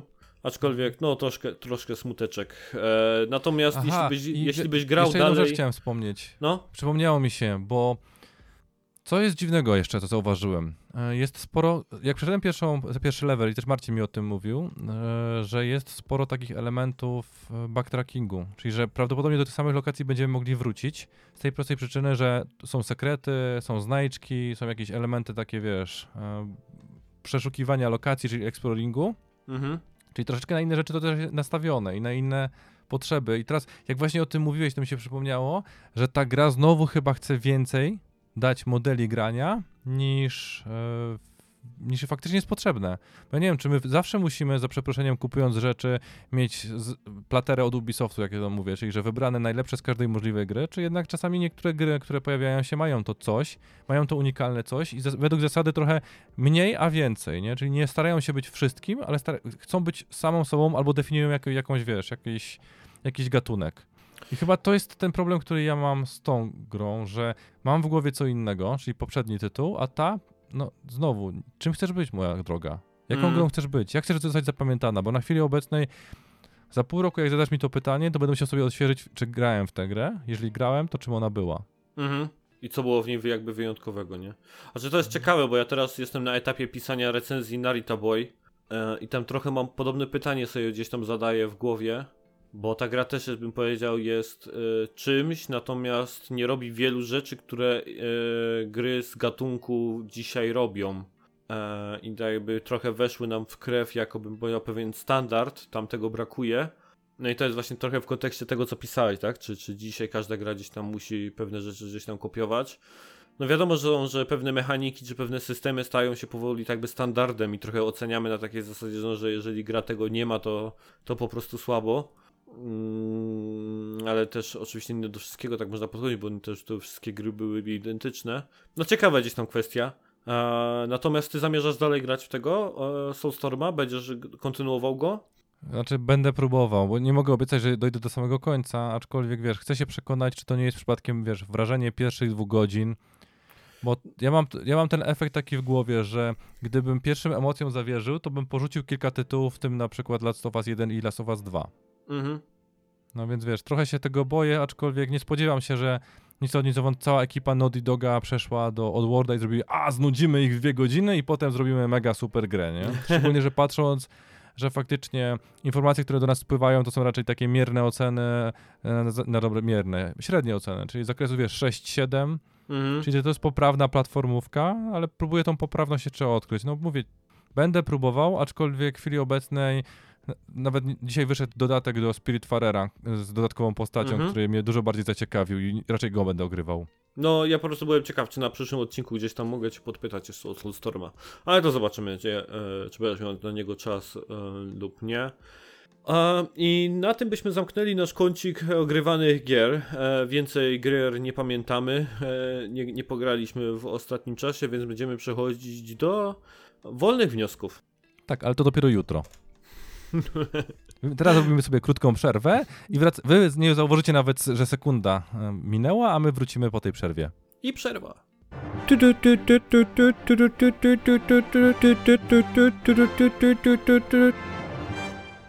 Dobra.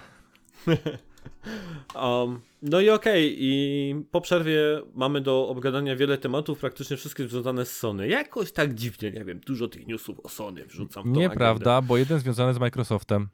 Tak, tak, jeden związany z Microsoftem. Eee, ale to, to, no tak można powiedzieć, gdzieś w, w tym tańcu branżowym pomiędzy Microsoftem a Sony gdzieś umieszczony ten news. I chyba od niego zaczniemy, tak, według tej agendy, tak jak gdzieś tutaj mamy przygotowane. W pierwszej kolejności Microsoft napiera i nie bierze jeńców. Tak sobie gdzieś opisałem tą, tą część, bo Microsoft ostatnio robi dużo, dużo ruchów e, w branży, e, posunięć, które pokazują, że tak jakby, nie wiem jak to można powiedzieć, wyciągają interes na stół i, i, i, nie, boją, nie boją się nim machać. Nie wiem, czy to ta, ta metafora jest odpowiednia. Natomiast... To na pewno nie jest metafora dla dzieci, nie? e, pierwszej kolejności MLB The Show 21 pojawia się w Xbox Game Pass pierwszego dnia e, pierwszego dnia pre, w, w premierę. E, będzie równo dostępna w abonamencie Game Passa. I dodatkowy jeszcze tutaj smaczek w tym całym newsie to jest to, że decyzję na temat tego, że, że ta gra pojawi się w Game Passie mm, podjęła sama MLB bez w ogóle konsultacji z Sony, albowiem PlayStation czy tam Sony nie zaopiekowało sobie tym, tego odpowiednim wpisem w umowach prawnych e, z, z MLB. Dla tych, którzy w ogóle nie mają pojęcia, co to jest MLB i, i tak dalej, to MLB to jest to... jedna ze Spice'etek, nie? E, Słucham? Tam była... MLB to jest jedna ze Spice Girls. Tak, tak. Ta, ta, ta czarnoskóra, tak? Afroamerykanka, to chyba ona Tak, tak, tak, skręconymi włosami, dokładnie. Skręconymi MLB. włosami, MLB, tak. No, więc gra z MLB, e, The Show 21, 21 odsłon już e, jest e, z jej udziałem. A to Liga oczywiście Baseballa Narodowa w Stanach Zjednoczonych. Gdybyście się zastanawiali, hmm, baseball, ale czy to w ogóle ktoś to kupuje? To generalnie rzecz biorąc na Stanach Zjednoczonych ten tytuł to jest tak jak FIFA w Europie. To jest jeden z najlepiej sprzedających się ekskluzywów rok w rok dla, dla Sony. E, ogromny zastrzyk gotówki i, i sprzedaży. E, też sama gra zbiera świetne recenzje, bo ona jest bardzo tam. Zajmuje się nim w ogóle studio San Diego. E, od lat praktycznie produkuje te odsłony i bardzo taką renomę sobie wyrobiły te gry, jako tam fantastycznie e, zrobione. Tak jak ludzie gdzieś tam hejtują e, e, FIFA z roku na rok przez różnego rodzaju mechaniki, to to jakby MLB The Show zawsze jest na takim na bardzo pozytywnym jakby odbiorze każda odsłona. Jest to duży tytuł, po prostu to, co jakby chciałem wam przekazać, że jest to naprawdę duży tytuł w repertuarze Sony, a przynajmniej był do tej pory, jeśli chodzi o ekskluzywy. E, i, i kasa płynącą ze Stanów Zjednoczonych do, do PlayStation. I chyba z Japonii, bo Japonia też ma kręczka, kręczkę na baseball, jeśli się nie mylę, i tam też pamiętam, że trochę tego się zawsze sprzedawało. E, no, wystarczy no i... powiedzieć ten, wrzucę kilkoma liczbami, które może Was zainteresują. To jest tak, że w latach 2017, 2018, 2019 kolejne wersje miały sprzedaż na poziomie 1,16 miliona, czyli mhm. dość, dość sporo ilości egzemplarzy a na przykład e, w 2020 roku, czyli rok temu dokładnie, to przez praktycznie chyba 3 tygodnie utrzymywał się na pierwszym miejscu, jeżeli chodzi o sprzedaż na świecie. E, bestseller, jeżeli chodzi o PlayStation 4. No, Sprzedając jest... rzeczy typu Persona 5 Royal mhm. i Call of Duty, które tak de facto napędzały, no zawsze napędzają sprzedaż takie, tego rodzaju gry, więc to, to jest dość, dość pokaźna informacja w tym kontekście. Tak, tak. I to pamiętajmy, że to ciągle mówimy o sprzedaży praktycznie na jednym kontynencie, bo raczej ona się gdzieś tam poza e, Stanami nie, nie sprzedaje. Tak. Ten. A 2020 Więc... zakończyło na, na piątym miejscu, jeżeli chodzi o całkowitą sprzedaż, przegrywając na przykład z NBA 2020. Mhm. No, więc... Aczkolwiek wydaje mi się to dziwne, szczególnie, że dzisiaj usłyszałem, że na przykład GTA 5, jeżeli chodzi o 2020, zaliczyło 20 milionów kopii sprzedanych. Liczby sprzedanych kopii GTA 5 to jest dla mnie po prostu zagadka. Ja nie wiem, kto to kupuje, e, te, te odsłony. To znaczy pewnie ludzie jak ja, którzy w piątkę jeszcze nie grali na przykład, to mogą, mogą kupować sobie te gry, ale że ta gra się dalej sprzedaje w takich kopiach, to jest dla mnie niebywałe. Ja nie wiem, czy tam są vouchery na, te, na, na tą walutę w tych pudełkach z GTA 5 i po prostu ludzie kupują grę, żeby ten voucher wykorzystać. E, jest to dla mnie zagadką, ale to monstrum, jeśli chodzi o GTA 5 i, i sprzedaż. No natomiast MLB The Show też niczego sobie. E, ważny tytuł, tak. Może my tego w Polsce nie odczuwamy, w Europie nie odczuwamy, ale jest to na pewno ważny tytuł. No i nowa odsłona, nie dość, że będzie multiplatformą, o tym się wiedzieliśmy jakoś rok temu, to właśnie tutaj gigantyczny news, że tytuł trafia e, day one do Game Passa. I tutaj pojawia się ta sytuacja, o której ja mówiłem, że Microsoft będzie działał w ten sam sposób z grami Bethesdy. E, to znaczy, taka była moja jakby teoria e, e, sytuacji, która się zadzieje, czyli, że hej, macie tutaj do kupienia Elder Scrolls 6 na PlayStation 5 za 70 dolarów, albo za 5 dolców w Game Passie. Nie? I to jest takie postawienie obok siebie po prostu tej samej gry na dwóch platformach, gdzie na jednej trzeba wydać 70 dolców na nią, a w drugim tak naprawdę równowartość pewnie, nie wiem, Happy Meala z McDonalda, to, to, to robi wrażenie, tak? Dla, dla konsumenta, który chce zagrać w Elder Scrollsy. A... Ile grałeś w ten, w Elder Scrolls e, na przykład w piątkę? Ja nie grałem w ogóle w Elder Scrollsy, to po pierwsze. Bo... Dobra, przyjmijmy, że grałeś 100 godzin. Nie, w sensie mhm. pokazuję ci jedną rzecz, że moim zdaniem niektóre gry raczej się dobrze nie kalkulują z tego prostego powodu, że wezmę taki przykład matematyczny. Przyjmijmy, że na przykład grałeś w tę grę, e, że będziesz dalej grał, bo na przykład w MLB, podobnie jak FIFA, to grasz przez rok, nie? No mhm. No tak na logikę, to nie jest tak, że możesz przejść pewnie 20 godzin, ale pewnie sporo osób tak robi, nie? Czyli wiesz, w tym momencie to masz po prostu 12 miesięcy po 5 dolców, to wychodzi 60 dolarów, nie? Mhm.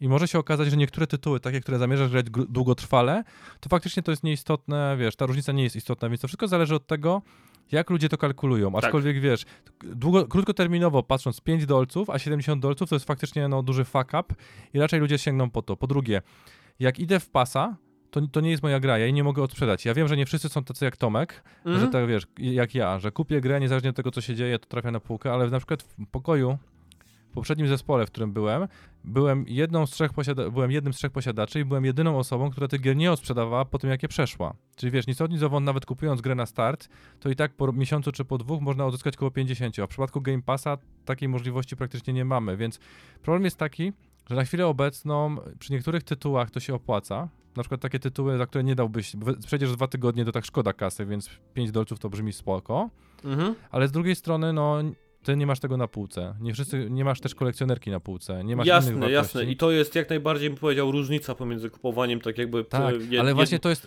Wiesz, do czego prowadzę? Moim zdaniem na chwilę obecną to jest zbyt krótko trwało, może, wiesz, my się podniecamy, a dokładnie ty się bardziej podniecasz nie, niektórymi rzeczami, bardziej personalnie je odbierasz. Ja staram się mm. na to wszystko patrzeć chłodno, z tej prostej przyczyny, że nie wiem jak funkcjonuje rynek. Nie wiem jak rynek na to wszystko zareaguje. Po drugie, E, wtedy MLB jest też dostępny na PC, prawda? O ile się nie mylę. Mm, chyba tak, no. No bo ty, skoro masz tak. tego, no więc wiesz, to jest kwestia taka, że jeżeli my się nie mylimy co do naszych przypuszczeń, to Xbox trochę odpuszcza walkę o konsolę. Tak na to wszystko wskazuje. Ale dużo bardziej pcha w to, żeby promować swój, wiesz, swój Game Pass. Więc tak de facto za niedługo będzie walka pomiędzy PC-tem w postaci sam se złóż i do którego masz Game Passa, versus zamknięta architektura PC-ta, ale na tym, nie? Na w przypadku PlayStation 5. Tak, Bartek, ale to jest wszystko bardzo w, e, w kontekście, można powiedzieć, samego Game Passa kontra e, plan biznesowy gdzieś tam Sony, który jest na, na chwilę obecną jeszcze z ekskluzywami, z grami e, w normalnych gdzieś tam nominalnych cenach. Ja się absolutnie z tobą zgadzam. Tak, ale wiesz do czego doprowadzam? Że przy, przez to, że w chwili obecnej nie mamy wiedzy, troszeczkę tak jest, my mamy za mało danych. My nie wiemy, czy wszystkie osoby, które rok temu kupiłyby tego, te, przyjmijmy, że jest milion, milion dla okrągłego, nie, rachunku. Czy mhm. wszystkie milion teraz rzuci się na ten, na Game Passa, czy jednak ludzie zostaną na przykład z PlayStation 4 czy 5, bo posiadają taki set i kupią to dlatego, że kochają pudełkowość. Troszeczkę, dopóki nie zamkniemy tego roku, nie będziemy wiedzieć, jak faktycznie jest. Tak, bo... tak, tak, dlatego to się na pewno po, po wynikach sprzedaży się na pewno dopiero okaże tak naprawdę, jakim posunięciem, jak, e, jakim, mm, jak wypaliło to posunięcie, jak, e, jasne. Natomiast tutaj tylko jedną rzecz chciałem tak jakby zaznaczyć, że o ile przy Bethesdzie to się nie zadziało, e, bo Microsoft jakby ma na chwilę obecną inne plany, chociaż wiadomo jak Phil, to tak jak ten liść na wietrze. Natomiast jeśli chodzi o jedną sprawę, to, to dla mnie to, dlaczego ja uważam, że to jest big deal? Bo Sony, to generalnie rzecz biorąc, to jest gra produkowana przez studia Sony, e, first party, za które głównie płaci Sony, e, tak jakby ze swojej gdzieś tam pie, pie, swojego portfela, tak, ze swojego hajsu gdzieś tą grę produkuje. A, I tutaj e, tak jakby za kasę z Sony powstaje gra, która po prostu będzie day one w Game Passie tak jakby e, wrzucona. A i jasne, jak to wypali, to zgodnie z tym, Bartek, co ty mówisz, musimy mieć dane odpowiednie, żeby sobie ocenić jakby sensowność tego posunięcia. Natomiast dla mnie to jest i tak po prostu taki bardzo by powiedział macho move ze strony Microsoftu, że akurat wybrał MLB The Show jako właśnie tą grę, która będzie tym pierwszym takim właśnie przykładem tego rodzaju działania. Czyli day one trafia coś na playa i day one trafia coś na, e, na, e, na, na, na Xboxa. z tych stajni gier, można powiedzieć, od Sony dotychczas. żeby, żeby gdzieś zweryfikować ten model i ten sposób działania, więc by powiedział, to jest taki macho move, by powiedział, e, ze strony e, Microsoftu i dlatego gdzieś oceniam, że to jest gruby temat. Drugim grubym tematem to jest figurka e, Ludensa z Kojima Productions, która stała gdzieś na półce za filmem. E, I informacje, które tutaj według e, raportu VentureBeat gdzieś tam lecą, e, że Hideo Kojima i Kojima Productions prowadzą obecnie rozmowy z Microsoftem, aby opublikować przyszły tytuł. I tutaj Jeff Grubb z VentureBeat mówi, że ta umowa z Kojimą jest podobno wykorzystywana do kontaktowania się z większą liczbą japońskich programistów. To tak jakby jaki jest tego cel. I potem pamiętam jego tweeta Jeffa Graba również na Twitterze, że on napisał coś w takim rodzaju, że umowa już jest u prawników. Że e, działy prawnicze zarówno Kojima Productions, jak i Microsoftu już gdzieś tą umowę e, redagują e, do, e, do, do sfinalizowania. Ja znowu dzisiaj jakieś takie ploty czytałem, że, że Sony, które teraz staje, stara się być, jakby to powiedzieć, hiper e, nieryzyk, nieryzykowne, tak? Czyli tak, takie nie fan Sony, Zachowawcze. Zachowawcze, tak, dziękuję Ci Bartku. E, po prostu nie greenlightowało kolejnego pomysłu Kojimy. E, I tak jak e, Sony, które było odważne, fanowe i, i ryzykowne, e, i greenlightowało Death Stranding e, za czasów jeszcze jak Andrew House był w Sony, Sean Layden, tak pod tutaj właśnie w, mm, władzą, można powiedzieć, Her Hermana Hulsta, Jima Ryana, to po prostu nie zgodzili się na kolejny tytuł e, Kojimy, e, żeby, żeby, żeby, żeby, żeby go ten jakby greenlightować. No i Kojima po prostu w, tak jakby skierował się w stronę Microsoftu. Ale to są takie ploty z dzisiaj. Um, nie wiem, co ty tak jakby. Znaczy... Powiem ci tak, jak to powiedział Kuba Wojewódzki kiedyś, obrzygałeś mnie swoją interpretacją. E, nie, no serio, ja mam po prostu, co do pierwszej części jeszcze dopowiem jedną rzecz. Ja bym zwolnił tego człowieka, który tak fatalnie skonstruował umowę, bo dla mnie to jest po prostu porażka na poziomie konstrukcji umowy o współpracy. Jeżeli buduję sobie mieszkanie, w którym nie mogę zamieszkać, bo ktoś mi już się do niego wprowadził i to jeszcze wynajął innym osobom, to to jest po prostu, wiesz, bezsens na poziomie konstrukcyjnym i te osoby po, powinny polecieć. Mhm. Druga rzecz jest taka, ja mam dziwne wrażenie, że z tym Kojimą to jest, wiesz, tak samo możemy powiedzieć, że tydzień temu co oglądaliśmy? Oglądaliśmy Marka Sernego na e, rumuńskim pastwisku, tam mhm. wiosce rumuńskiej i też u niego była figurka Kojimy, nie? Z tyłu tam. tak, ja byłem, nawet mówiłem, nie? Że o, ekskluzyw tak. dla Sony, nie? Czy, czy to oznacza właśnie, nie, no to jest zbyt dużo domniemań. Po pierwsze, Kojima to nie jest e, własność Sony. Przepraszam za stwierdzenie, może mm będziecie zaskoczeni.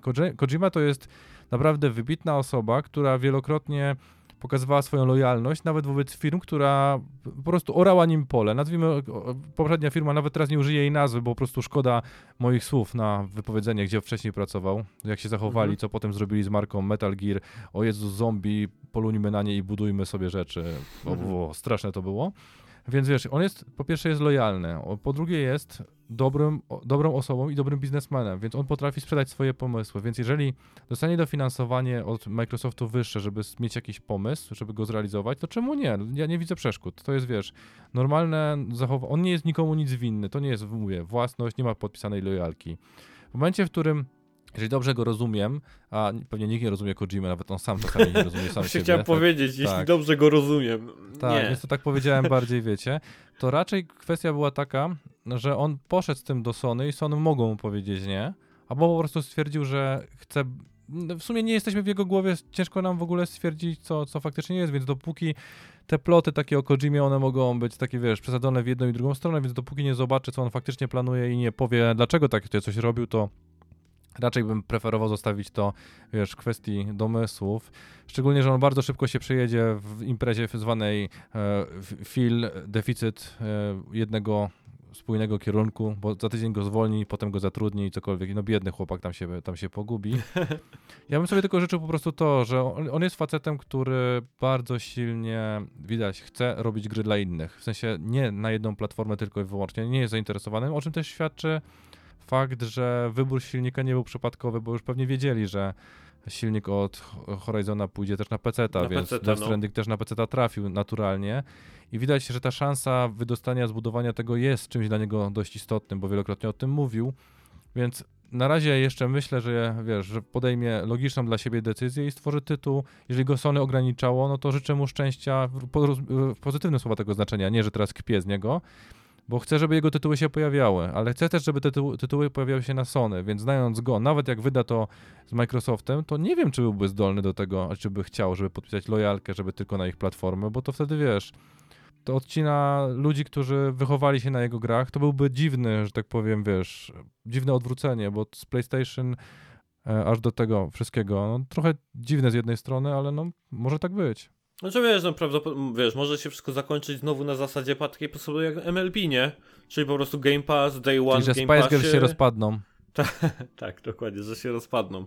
Um, ja po prostu umieściłem tego newsa też z tego względu, uh, znaczy oczywiście masz rację, nie? Ja do tego podchodzę e, z, e, znacznie bardziej emocjonalnie ze względów mojego ataczowania gdzieś tutaj do obozu e, playa na to, e, tylko to po prostu to były takie dwa ciosy, takie po prostu wiesz, w tym, na, podczas tej, tej, tej walki gdzieś tam pomiędzy te, te dwoma tam tymi obozami, to były po prostu takie dwa, znaczy to, wiadomo no, ten pierwszy cios MLB to był taki pierwszy już gdzieś tam wyprowadzony w szczenę e, przeciwnika cios, i jeszcze teraz jakby się potwierdziło to, że gdzieś tam Kojima ekskluzywny na przykład deal podpisał z Microsoftem, to byłby taki duży drugi cios e, tak jakby do, w, tej, w, tej, w tej rywalizacji, moim zdaniem. I dlatego też sobie to opisałem tego newsa na zasadzie takiej, że Microsoft po prostu się przestał pierdolić, nie? To na takiej zasadzie, że e, leją po prostu ostry hajs w tą, w, to, w tą rywalizację i nie ma dla nich tak jakby półśrodków. No tak, skoro... ale wiesz, wiesz, właśnie, nie ma półśrodków i teraz przypomnę ci jedną rzecz. Pamiętasz wszystkie studia Microsoftu, które zostały przejęte i które mogły nadal tworzyć to, co chciało, chciały tworzyć i tak dalej? Do pewnego mm. momentu to było niemożliwe. To było nawet na poziomie, no nie będę porównywał tego z EA, bo EA jest dużo gorsze, więc wiesz, to jest kwestia taka, czy jeżeli Microsoft kupiłby Kojima Productions, bo o tym tutaj rozmawiamy tak troszeczkę w niejawny sposób, czy on nadal będzie miał możliwość tworzenia jako Kojima Productions, czy w pewnym momencie nie, wiesz, nie odwiedzi się i logo Microsoftu czy cokolwiek innego się pojawi, gdzie jest ta, wiesz, granica, która jest akceptowalna dla tych wszystkich, szczególnie, mm -hmm. że w przypadku Sony, no to, to już od lat 92 czy tam 3 roku widać, że twórcy mają dużo więcej możliwości, nawet w zakresach, które chcą, bo popatrz, że fundowanie do Kojima Productions przeszło z Sony. Nawet dostali silnik, który, wiesz, ludzie na zewnątrz nie dostają. To nie jest tak, że ja mogę sobie napisać, ej Sony, dajcie mi Sony e, tego Dajcie mi Decimę i oni też takie ładne pudełeczko tak. ci dadzą. No i oni mi wysyłają, wiesz, masz, nie, bo my rozdajemy wszystkich, nie, a bo od tego jest pan z dzisiu koło budki z piwem, on też chciał, więc mógł zawieźć no. na pendrive, nie, no. Trochę bezsensowne, bo ani ja, ani pan z dzisiu nie umiemy w tym programować. Pan z dzisiu może bardziej niż ja nawet i to może być zadziwiające, ale właśnie dopóki oni nie zmienią swojego podejścia myślowego, może to nastąpi, to może być to bardzo, wiesz, bardzo, bardzo ryzykowne. Mhm. Szczególnie, że z tego co pamiętam, to na dwoje babka wróżyła, bo to może być zarówno e, też inny znaczek, bo to, że tam stoi jakiś luden, ten homo ludens, tak to się ładnie nazywa chyba, tak? tak? To nie oznacza, że to był e, od Kojimy. Jeszcze nie wiemy tego tak de facto, nie?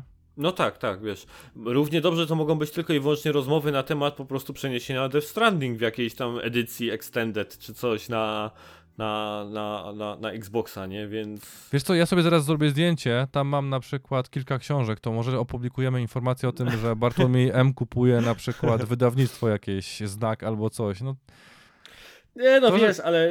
Y, to jest prowokator, ty, ty, pamiętaj. Phil Spencer to też tak. jest osoba, która strasznie lubi jączyć, nie? To jest... Mhm. Ja mam po prostu wrażenie, że nie, ja, ja tego człowieka po prostu nie jestem w stanie rozgryźć, nie? Tak, bo tak jak mówisz, to jest też facet, który potrafi grać w ten biznes e, i e, to, co my się śmiejemy, że on tam zmienia zdanie co gdzieś tam co 5 minut i tak dalej, to jest też po prostu próbowanie takie, wiesz, na zasadzie drugiej strony, nie? Wiesz, e, wbijanie jakiegoś tam takiej szpili i tak dalej, zobaczenie jak się druga strona zachowuje i potem reagowania.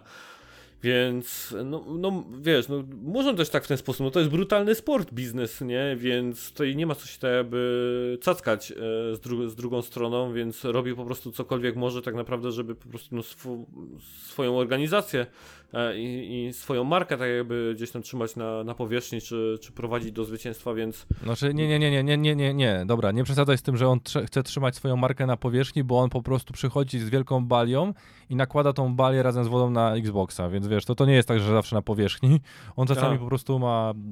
Dobra, jakbym to nazwał kontrowersyjnym, wiesz, pomysłem, to bym nic nie powiedział. To czasami są po prostu dziwne zagrywki. Okej. Okay.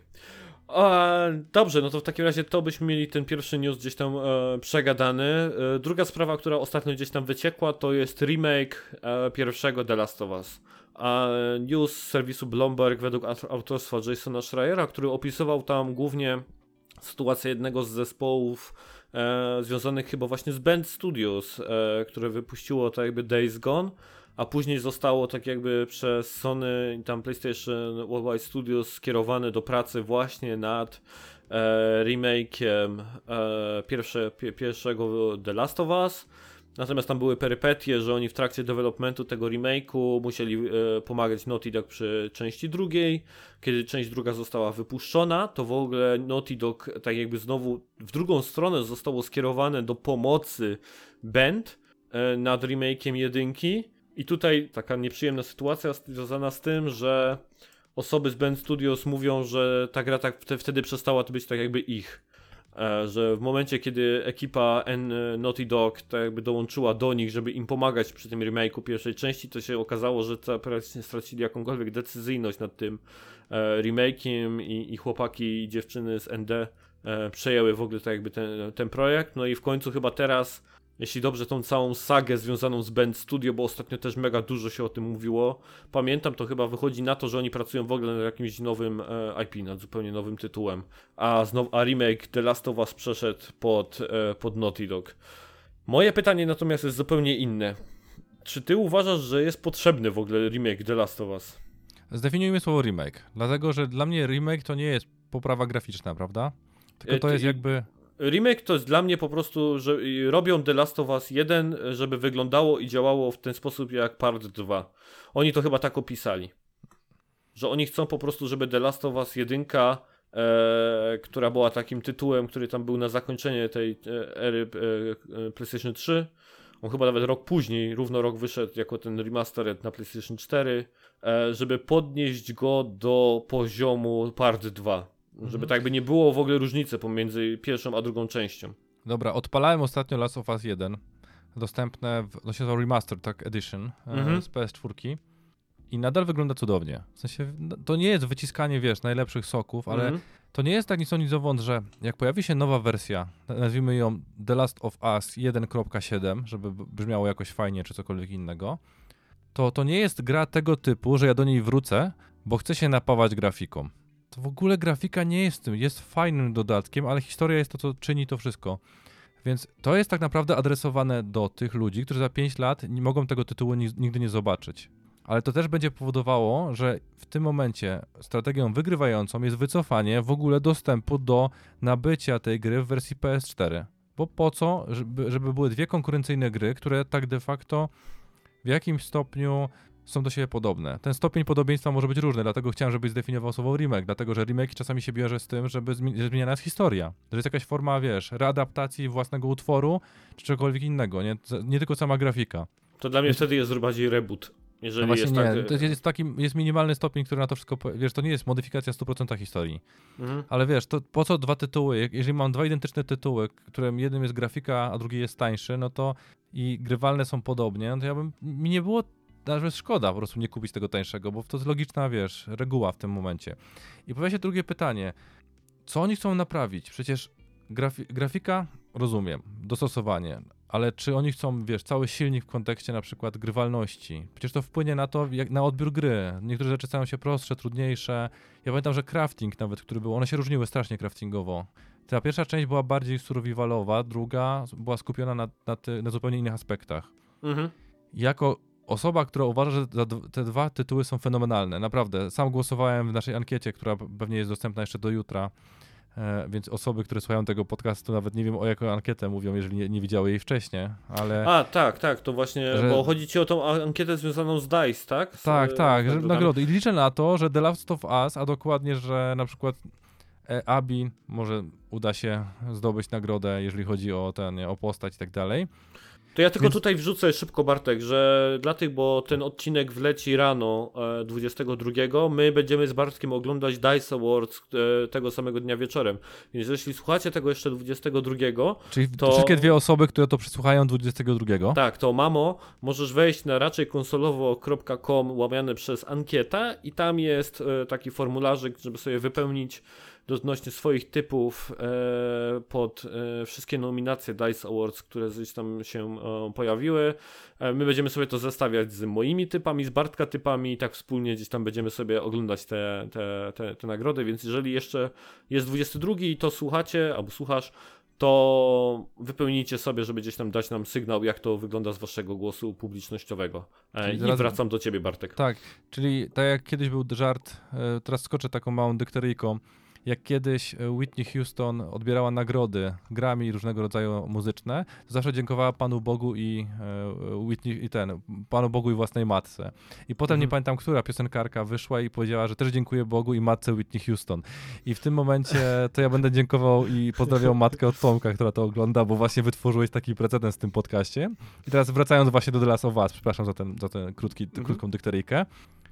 Ja nie widzę w chwili obecnej sensu, naprawdę. Wolałbym czytać news pod tytułem, że Naughty Dog albo jakiekolwiek inne studio faktycznie pracuje nad innym IP, albo że rozwija jakieś inne możliwości, bo GTA zostało wydane piątka w 2013 roku, dokładnie chyba we wrześniu. I do dziś widzę zapowiedź remake'u na czwórkę, na piątkę, jakieś dodatkowe rzeczy, wiesz. I widać, że oni nie idą w kierunku GTA 6. I tak samo nie chcę, żeby osoby, które są naprawdę zdolne, które mogą budować fenomenalne postaci, czy to postacie, mogą budować fenomenalne historie, takie jak na przykład właśnie, no mamy praktycznie całą serię, minus zakończenie Uncharted 3, które moim zdaniem się nie wpisuje w, w stwierdzenie, że im wyszło. E, I faktycznie widać to, że mogą swoją energię przekierować na coś, co jest istotne. Remake The Last of Us niczego nie zmieni.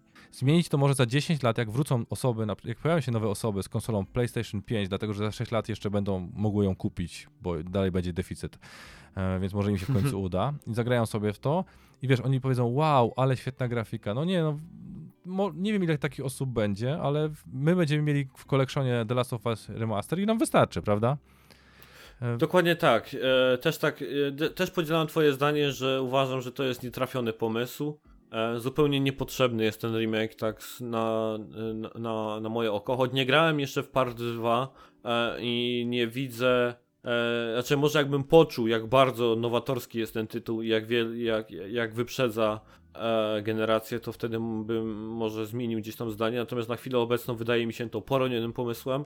E, chciałbym, żeby pracowali albo nad nowym IP, albo żeby wrócili chociażby do Jacka, albo nie wiem, wzięli Infamousa i, i coś zrobili z tym, albo jakiekolwiek inne z portfolio IP Sony, które gdzieś tam leżą sobie w archiwach więc mm, podzielam gdzieś tam z tobą zdanie.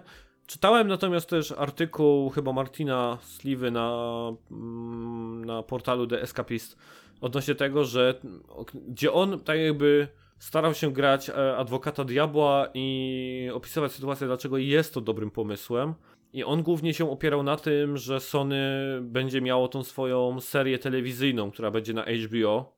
E, I można to wtedy połączyć e, to, co trochę mówiliśmy z Ratchetem, czyli jednoczesnym po prostu gdzieś tam wydaniem premiery. Że pojawia się serial oparty o wydarzenia z pierwszej części, który wiemy, że będzie tak jakby oparty na wydarzeniach z pierwszej części. I jednocześnie pojawia się odświeżona pierwsza właśnie odsłona e, The Last of Us, która wygląda i działa tak jak Part 2, nie? E, Ale potem wiesz, idąc w spiralę nienawiści, którą teraz rozpo, e, rozpoczęliśmy, to równie dobrze można powiedzieć, że z każdą kolejną konsolą warto by odświeżyć ten tytuł, żeby dopasowane były do grafiki. Wiesz, ile jest tytułów, które warto by było odświeżyć? No, tak jak tak, powiedziałeś, tak. no to jest nieskończona naprawdę, to jest nieskończona robota i teraz to jest kwestia I taka, tutaj... że, że wiesz, no. gdzieś jest, musimy postawić tą granicę. Jest ta granica nie tyle opłacalności, tylko sensowności. Bo jeżeli chcemy tego, e, wiesz, adresować do nowych ludzi, no to sorry Gregory, ale ci starzy nie, nie kupią tego tytułu. To nie będzie nic o nic wiesz, e, że na, na bazie sentymentu. Chyba, że ktoś kolekcjonuje każdą wersję Persony, no dobra, to był zły przykład, e, ale wiesz, jak, jakby były każdą wersję GTA, żeby mieć na półce, że kupuję każdą konsolę, żeby sprawdzić, czy GTA 5 na Xboxie jest inne niż na tym, na PlayStation 4. Ja wiem, mm. że to mhm. jest dziwny przypadek, ale coś musi innowacyjność pchać, bo jeżeli nie będzie nic innowacyjnego, jeżeli będziemy się skupiać tylko na edycjach, remake'ach, rebootach i tak dalej, no to nie będzie system sellerów. To są poprawne gry, które już mogą trącić myszką i musielibyśmy naprawdę je mega przebudować, żeby wprowadzić jakąś innowacyjność, albo żeby wprowadzić no praktycznie coś, co spowoduje, że będziemy nie tyle chcieli grać w grę, co chcieli kupić ten system.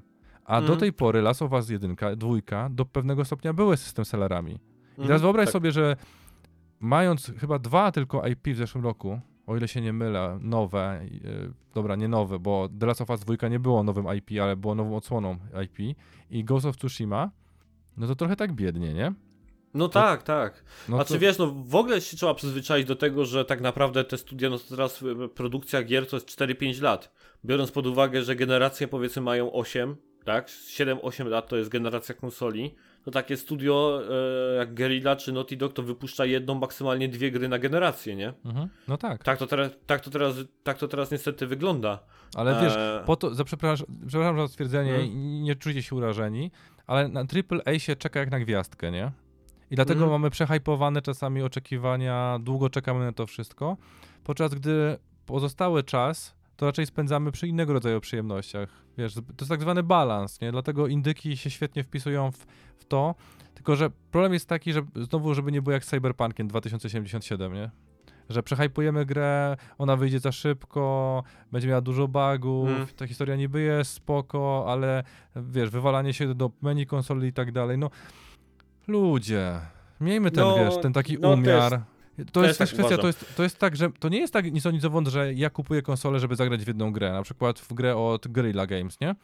Ja mm. mam poukładane i Sony też ma w głowie poukładane i Microsoft tym bardziej ma w głowie poukładane, bo Phil Spencer nie wiem, czy ma w głowie poukładane, ale mm. mają taki harmonogram wydawniczy, wydawniczy który ma no. spowodować, że ma być przeplatane świetne tytuły, na które czekamy, na przykład dwa w roku, tak zwane sezonówki, które się ukazują, czyli na przykład FIFA, czy MLB, czy cokolwiek innego. I też są tytuły pomniejsze, takie wiesz, które wyciągają znikąd pomysły. My nawet nie wiedzieliśmy o ich istnieniu, jak na przykład Cozy Groove, tam Cozy... Cozy Groove, no. Cozy Groove, dobrze powiedziałem. Które, wiesz, fajnie się prezentują, ale są na kilka godzin, bo my jesteśmy chyba nie, nietypowi, ja i ty, tak de facto, że zważywszy na swój wiek na i na pewno. ilość czasu, którą spędzamy przy konsoli, to my się wpisujemy raczej w ludzi poniżej naszego wieku. Aczkolwiek czytałem ostatnio statystyki, które mnie poraziły, to jest na przykład mm. to, że dwukrotnie więcej kobiet dojrzałych, czyli tam po, chyba po 25 wieku, gra niż nastolatków. 34% rynku to są kobiety chyba gdzieś tak, tak, tak, procentowo, więc to jest dość, dość ciekawa, dość ciekawa informacja, pokazująca, że mi się wydawało, że nastolatkowie to są ci, którzy mają najwięcej czasu na gry. No, czasu pewnie mają, ale czy mają finanse, żeby w to faktycznie grać, a my jesteśmy taką... Tak, ale w tych, tych procentach kobiecych jest bardzo e, duża procentowość gier mobilnych e, i tak, grania na tak. telefonie. Ja, znaczy ja dalej wiem i nie jestem na tyle w ciemię bity, za przeproszeniem, żeby nie twierdzić, że 50 około czy 53% rynku to są gry mobilne. To, to mm. warto też wiedzieć, że wiesz, gry konsol... Jeżeli jeszcze ktoś tak ładnie chyba powiedział ostatnio, nawet nie wiem, czy nie więcej teraz, ale biorąc pod uwagę e, ilość sprzedanych gier w historii świata, no to nawet połączona ilość wysiłków Sony, Microsoftu nie, nie, nie, no, gry tak, no. no. Nintendo nie przebije. Nintendo dalej ma chyba najwięcej, jeżeli chodzi o ilość tytułów, wiesz. O tak, no, a samo Animal Crossing, nie? 30 tam milionów prawie, czy to, ile tam się tego sprzedało, tak, nawet nie wiem. ale to sobie wiesz, jak ktoś ostatnio powiedział, e, wiesz, że ten, jak się nazywa ten Mario Kart, tak? Mario Kart ma mm. więcej sprzedanych tytułów niż, w sensie ilość egzemplarzy, niż Sony konsol. No, jest. No i to, to ma, też ma. pokazuje, wiesz, skalę tego mhm. wszystkiego, mm. że tak rynek konsolowy, to my się tak de facto bijemy o bardzo mały procent y, udziałów tego dużego tortu, który większość, mm. chyba nawet nie wiem, czy teraz nie zaniżyłem znacznie ilości gier, która jest sprzedawana w ciągu roku, jeżeli chodzi o rynek właśnie, uwzględniając rynek gier mobilnych. I sorry za przeproszeniem, ale oni chyba muszą się wziąć w garść i zacząć po prostu, wiesz, kombinować, jak tu ludzi zachęcać, zarabiać, dlatego że odpływ oraz możliwości takich pierdółek, które mamy w kieszeniach, rosną nieporównywalnie szybciej niż na przykład możliwości konsol. Mhm. I my nie potrzebujemy już handheldów, takich jak na przykład Vita, chociaż Nintendo, wiesz, Switch to jest niby handheld, niby konsola, a tak naprawdę jest oboma tytułami i można ją traktować i powinno się ją traktować w pełni, wiesz, w pełni prawnie jako te dwie możliwości. Więc no, trzeba po prostu patrzeć też innowacyjnie. Więc jeżeli, wracając do poprzedniego newsa, jeżeli Kojima miał zbyt mało innowacyjności, nie dostał tego od Sony, no to to już jest druga żółta kartka i w, jeżeli chodzi o sprzedaż MLB i drugie to, że faktycznie powinni się wziąć w garść i pomyśleć, kto tam kurde u nich pracuje, bo ktoś tam daje mm. nieźle się tak, prostytuuje to, pomysłowo, o tak to powiem ładnie. Tak, i tutaj to też właśnie to mi trochę to, tutaj śmierdzi mi to takim podejściem, kiedy, które kiedyś e, słyszałem odnośnie działania EA. EA miało pewne lata pracy, kiedy e, greenlightowało swoje projekty na zasadzie e, porównywania wszystkiego do FIFA.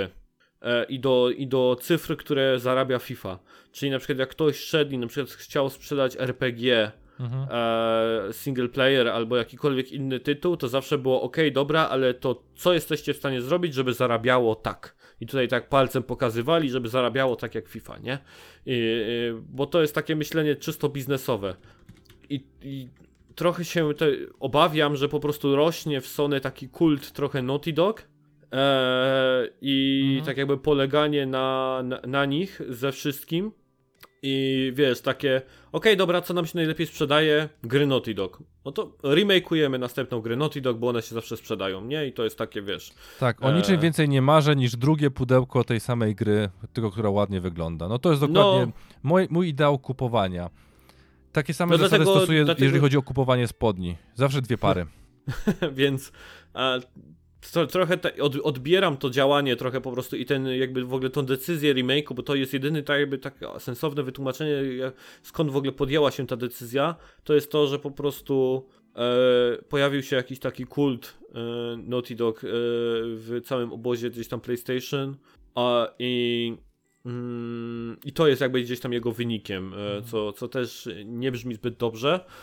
Nie brzmi zbyt dobrze także kolejny news. E, to znaczy, nie brzmi zbyt dobrze, to też będzie teraz kontrowersyjnie, bo dużo osób się akurat cieszy z tego powodu, czyli Sony wycofuje się z decyzji zamknięcia sklepów na PlayStation 3 oraz e, Vicie.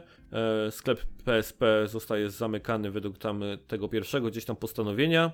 Natomiast tutaj e, cytuję jakby Jima Ryana, kiedy początkowo podjęliśmy decyzję o zaprzestaniu wsparcia dla PlayStation 3 i PlayStation Vita, wynikało to z wielu czynników, w tym wyzwań związanych ze wsparciem handlowym dla starych urządzeń oraz możliwości, abyśmy mogli skoncentrować większy, więcej naszych zasobów na nowszych urządzeniach, gdzie większość naszych graczy e, gra.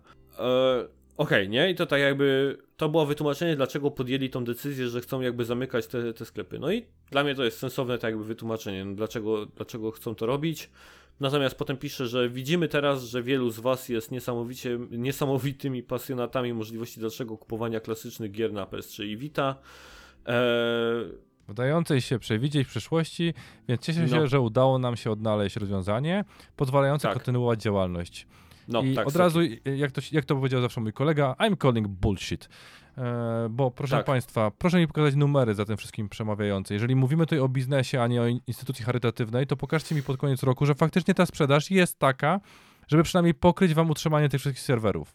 Bo nie na... wierzę w to. Bo nie, po prostu nie, w sensie nie, wierzę... ja, nie, ja, nawet nie chcę mówić, czy wierzę, czy nie wierzę. Pokażcie mi liczby, liczby. Show me the numbers. To jest najbardziej istotna rzecz. Bo kurde, nie wiem, ile osób musiało się teraz rzucić tym wszystkim, wiesz, w kontekście, że oni uznali, że to jest dla nich opłacalne. Nikt już nie tak... kupował gier na, na, na PS3. No Absolutnie nie, według tego, nikt. co tu jest napisane, co powiedział Jim Ryan, to ludzie kupują te gry.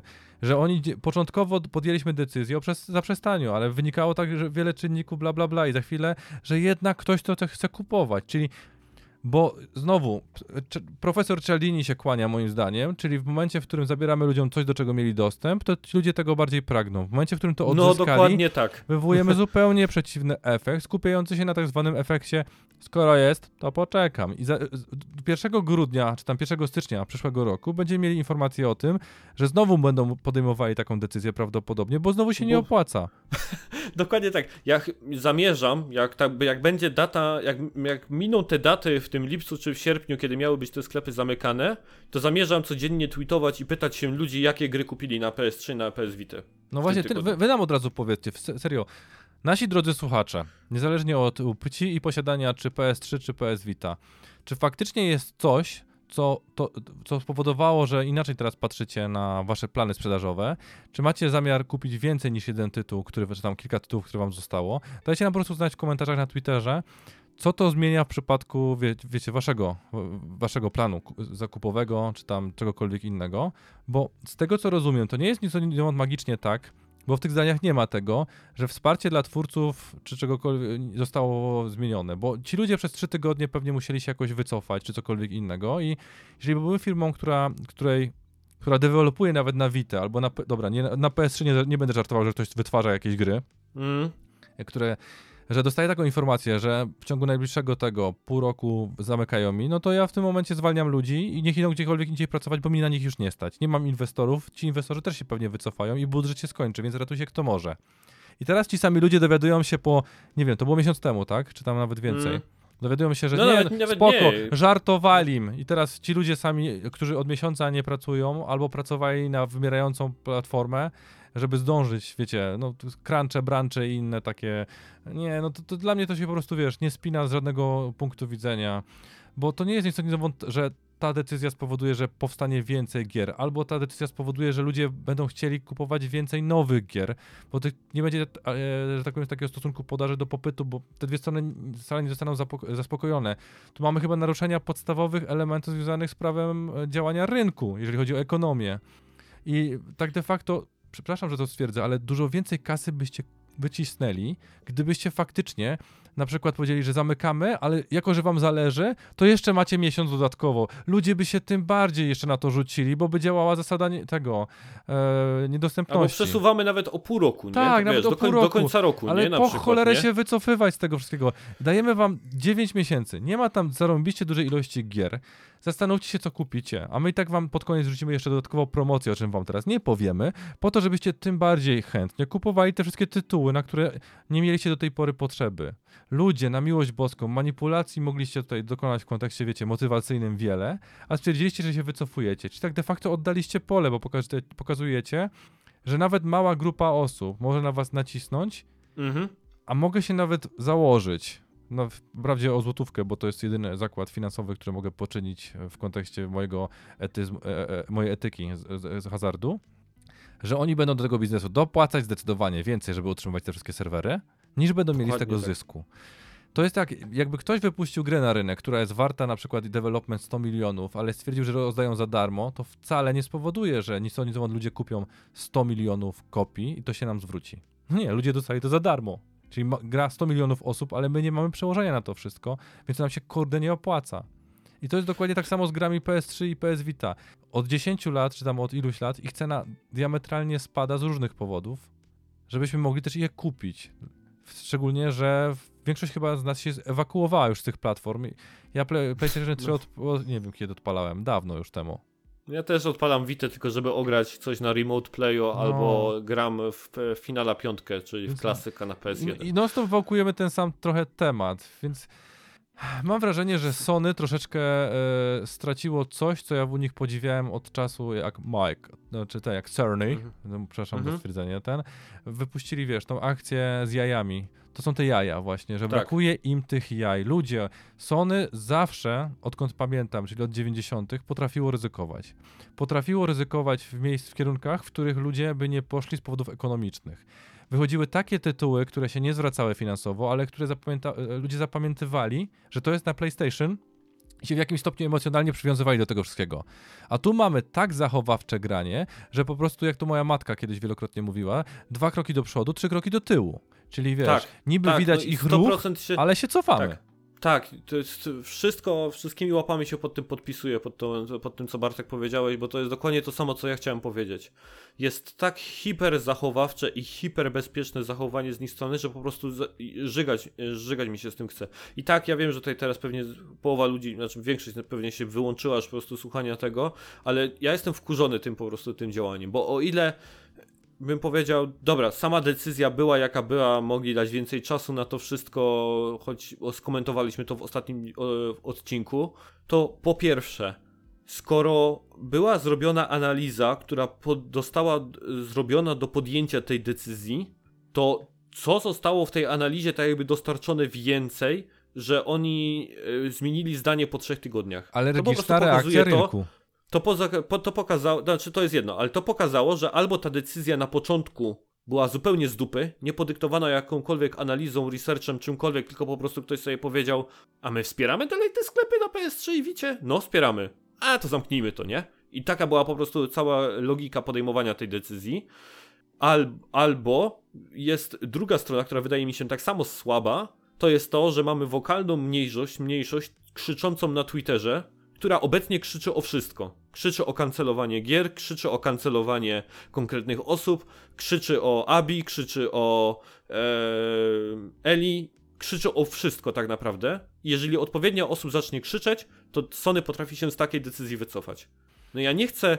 Y, ja bym powiedział tak, jedną z rzeczy, za którą pamiętam poprzednią generację i śmialiśmy się, to jest słynne 180 stopni Microsoftu, tak? Czyli podjęli pewną strategię biznesową związaną z konsolą, z e, przypisywaniem tam mm, płyt do, do, do, konsoli i tak dalej. Wiemy to, co jakby i wszystkie ich pomysły na starta jakby Xboxa i wycofywanie się z, tej, z tego.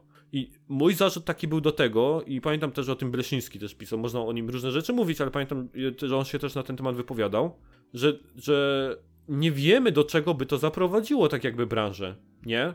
Że jakie by było tak jakby następstwo, może w ogóle po prostu, nie wiem, Game Passa by nie było, może inni by poszli za tym, może by nagle deweloperzy stwierdzili, kurde, to wydając naszą grę tak jakby na Xboxie mamy tak jakby zagwarantowane, że po prostu no nie będzie, nie wiem, y, wolnego rynku i nie będzie odsprzedaży tego, aczkolwiek nie podoba mi się to, więc od razu to imieniam, że nie chciałbym takiego świata, ale wiesz, może poszłoby to w jakimś tam innym kierunku, a oni się z tego diametralnie absolutnie wycofali, czyli lata przygotowywania się do strategii, polityki i tak dalej zostały po prostu e, po filmiku 30-sekundowym Yoshidi i Boysa po prostu wyrzucone tak jakby gdzieś tam e, e, w błoto.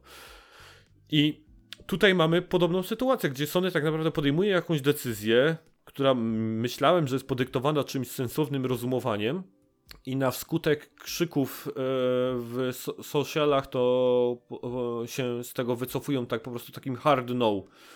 Albo to jest, nie wiem, próbkowanie, które tak samo po prostu wydaje mi się wkurzane, wkurzające. Tak samo jak e, próbował e, ludzi tak jakby Microsoft, że tam chciał zwiększyć cenę chyba tam Game Passa tam chyba o dwukrotnie E, z czego się wycofał, czy, czy Golda, teraz nie pamiętam e, czego dokładnie chciał zwiększyć dwukrotnie cenę, Golda. się wycofał. Słucham? Golda, Golda. Golda e, się wycofał. chcia, teraz Sony prób, chciało zamknąć sklepy i się wycofało. powstała Superliga w tym tygodniu, w która w 48 godzin nagle się z niego wycofali wszyscy. I takie próbowanie po prostu nas, że ja nie wiem, a zrobimy, a zobaczymy, czy pokrzyczą. Znaczy wiesz, to z jednej strony to, co mówimy jest, wiesz, teoretycznie logiczne, ale patrząc z tego, czego nie widzimy, czyli tak de facto oni sobie takimi głupimi akcjami czasami załatwiają jakąś formę marketingu. Czasami lepszy, czasami gorszy PR. Tu, nawet wykorzystując troszeczkę takiego klasyka, czyli nieważne co piszą, ważne, żeby pisali. Mm, I tak. wiesz, tak ci krzykacze, którzy w jedno im się nie podoba, drugie im się nie podoba, to troszeczkę to robią taką promocję jak na przykład filmom od Wegi ludzie, którzy protestują na przykład e, związani w Polsce z różnymi opcjami politycznymi czy religijnymi, którym się to nie podoba, albo od Smarzowskiego, którzy robią dużo większą przysługę tej firmie lub dużo większą przysługę temu filmowi lub autorowi, niż robi sam marketing, więc może to jest takie nieudolne forma promocji, Aczkolwiek, wiesz, to jest kwestia taka, że jak non-stop gadamy tutaj o Philu Spencerze, non-stop gadamy o Sernem i o innych, Yoshidzie i tak dalej, to ja pamiętam jedną fikcyjną postać, która zawsze mi się podobała w kontekście PlayStation 3, o której mówiliśmy na tym mm. kanale, to jest Kevin Butler. Pewnie go kojarzysz bardzo dobrze. Formy... Może jak ja bym chciał, żeby wróciło PlayStation z Kevinem Butlerem. Jak ja bym chciał, żeby o, taka osoba o takim podejściu prowadziła firmę. To jest, wiesz, kwestia tego. Trochę brakuje mi, żeby wróciło no. Bo odkąd mam. Ja nie chcę być, jak to się mówi, e, prorokiem we własnym kraju, jak to się mówi, tak? Ale w mhm. momencie, w którym PlayStation 3 czy 5 stało się białe, to tak jakby się zmieniło ich podejście, wiesz, troszeczkę bardziej przy, przy PlayStation 3 dali, dobra, powiem to, dali dupy, nauczyli się, wyszli od tego... Pamiętasz, czyli, czyli... kiedyś w naszej poprzedniej firmie był taki dział, który się nazywał Fun and Culture. Tak, there is, no Pamiętam... there is no fun in culture. There is no fun in culture, pamiętasz? No nie, no, nie żartujmy sobie, wiesz, z tego. Mi chodzi o to, to nie jest Sony, które może cokolwiek zmienić. To jest Sony, które może przestać istnieć. Może przestać istnieć w świadomości, może przestać istnieć po kolejnej edycji. Jeżeli usłyszę news, który nie będzie wydany 1 kwietnia o treści takiej, że Game Pass przychodzi na nową konsolę Microsoftu PlayStation 5 czy tam PlayStation 6, bo to do tego doprowadza, że wiesz, że no, to nie widzę troszeczkę przyszłości w kontekście stabilizacji. To nie jest nic o że my możemy grać na stabilizację w 100%. To wiesz, 80 pewnie procent e, działań musi być zachowawcze, żebyśmy utrzymali e, płynność finansową mhm. i wiesz, kierunek strategiczny i tak dalej, ale Wiele ze studiów może zaryzykować i nas stać na to, żeby zaryzykować. Ich też stać na to, żeby zaryzykować, żeby powstały tytuły, które są w jakiś sposób nienormatywne w kontekście tego, co jest na rynku normatywne, bo inaczej będziemy mieli, wiesz, pulpę identycznych rzeczy. I tak samo, jeżeli chodzi o zachowania.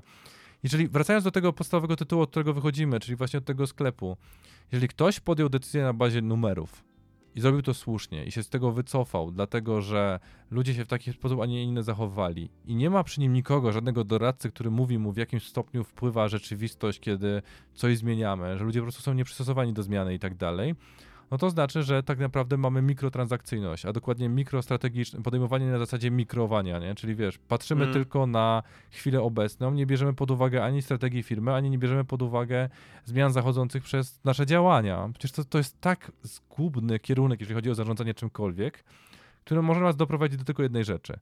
Proszę Państwa, byłbym idealnym kandydatem na szefa PlayStation podejmowałbym decyzję rzucając kostką i miał albo monetą, żeby było prościej, bo kostka ma sześć e, części. To za dużo opcji. Tak, za dużo opcji, więc ja poproszę monetę i gwarantuję wam, że z równą skutecznością jak wy w chwili obecnej w sposób obserwowalny będę podejmował decyzję. A w związku z tym, że nikt nie będzie wiedział, że rzucam monetą, to w 50% mm. przypadków statystycznie mogę mieć rację.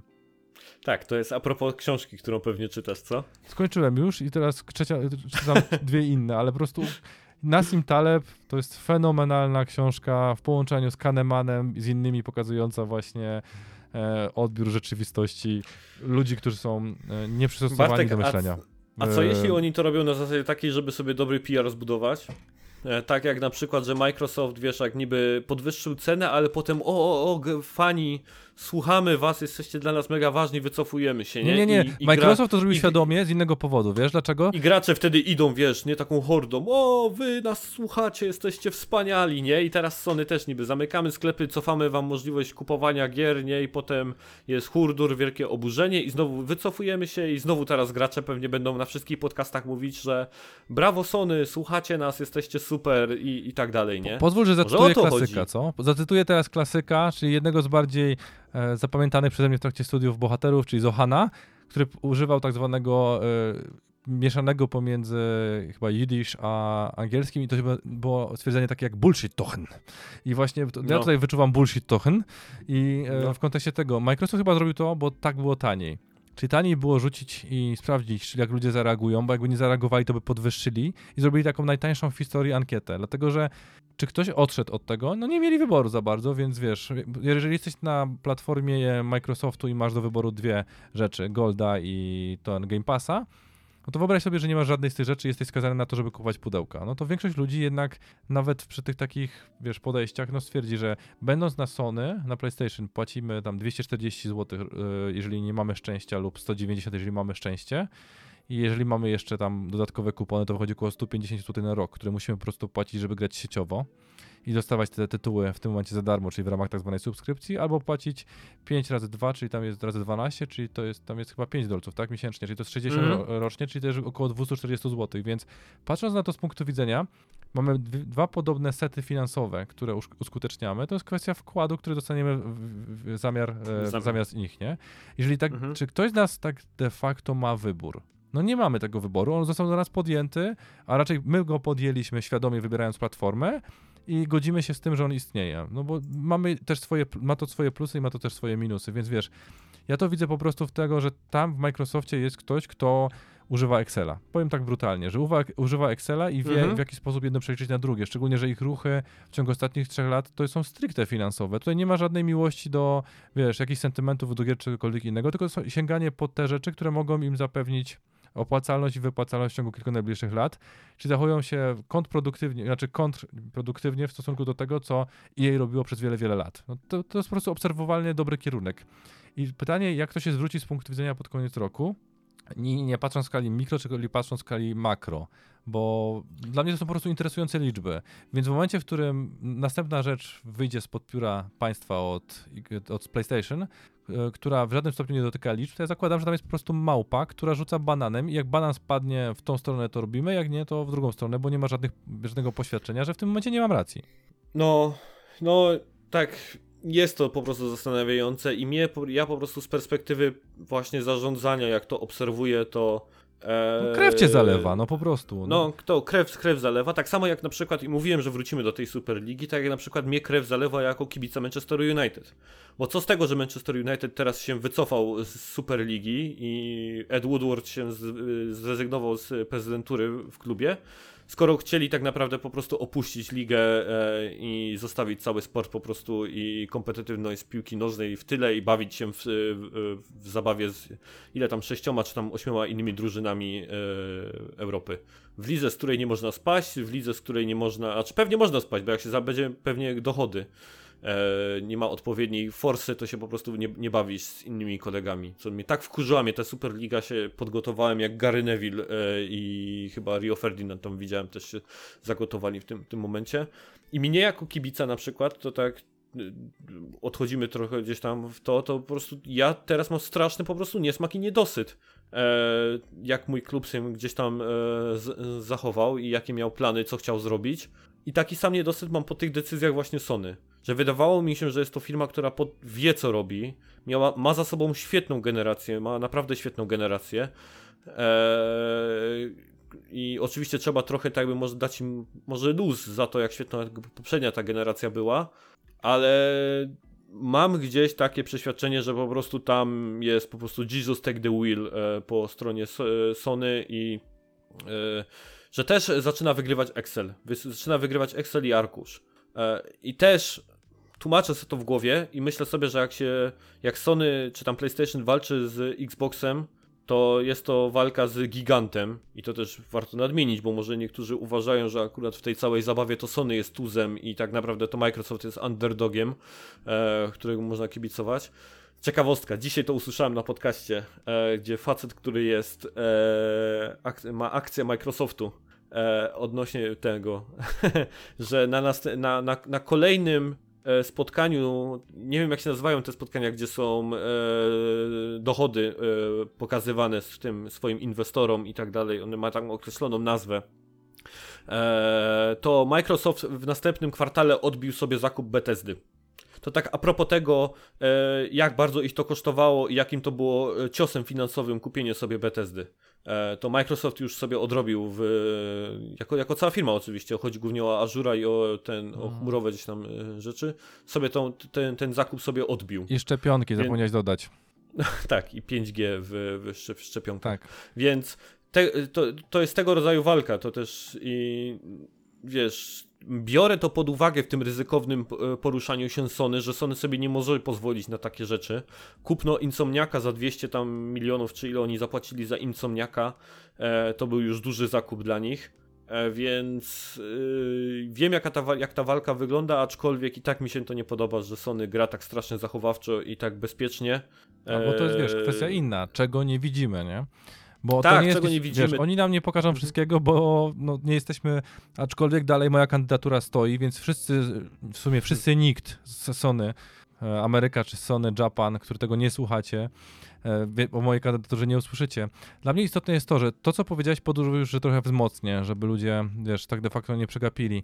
Powodów, dla których jesteśmy z konsolami albo z danymi firmami, to nie są tylko i wyłącznie rzeczy związane z cenami gier albo z typami gier. To jest dużo bardziej skomplikowane i w momencie, w którym zmienia się w ogóle strategia podejścia do wszystkiego, możemy po prostu nadal, pomimo tego, że są bardzo ciekawe gry, bardzo fajne tytuły, no stwierdzić, że to nie jest dla nas. To jest tak bardzo skomplikowany proces, który przez wiele, wiele lat tworzony jest, czasami przez 20, w Twoim wypadku nawet więcej, jeżeli chodzi o Sony, może być mhm. skruszony przez jeden głupi tweet albo przez jedną głupią decyzję. Tak jak w przypadku e, sporo osób tak się zachowało w kontekście, wiesz, Superligi, ale ja tak samo słyszę w, w kontekście innych, że jak to się mówi, czasami e, pamięta się tą jedną porażkę, a 99 zwycięstw nie. I tak samo jest tutaj z tym wszystkim, nie? że e, to są dużo bardziej skomplikowane procesy, których nie do końca jesteśmy w stanie ogarnąć na poziomie intuicji, więc jeżeli oni chcą w taki sposób komunikować, to nam w końcu to się zbrzydnie, wkurzy nas, bo my tak de facto jesteśmy Sony nie tylko dla gier, ale dla pewnego obrazu i dla pewnej obietnicy, mhm. którą do tej pory dotrzymywali. W momencie, w której poczujemy bullshit tochen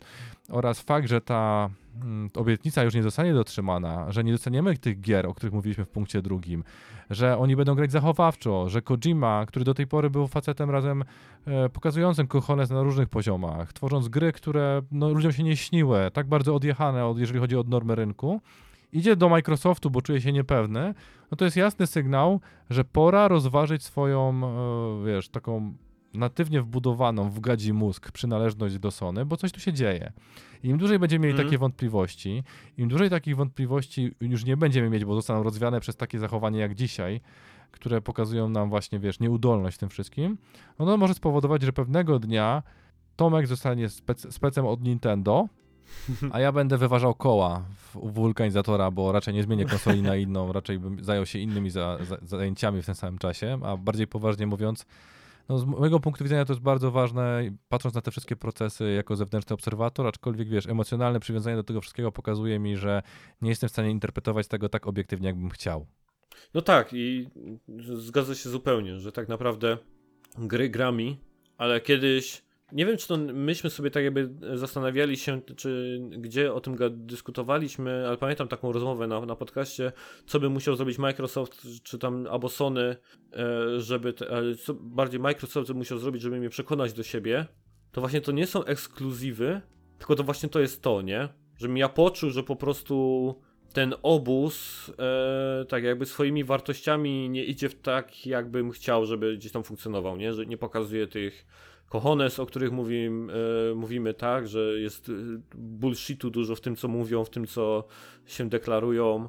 E, I w tych rzeczach to jest bardziej bym powiedział rzecz, która by mnie gdzieś tam mogła e, jakoś e, odmienić moje upodobania.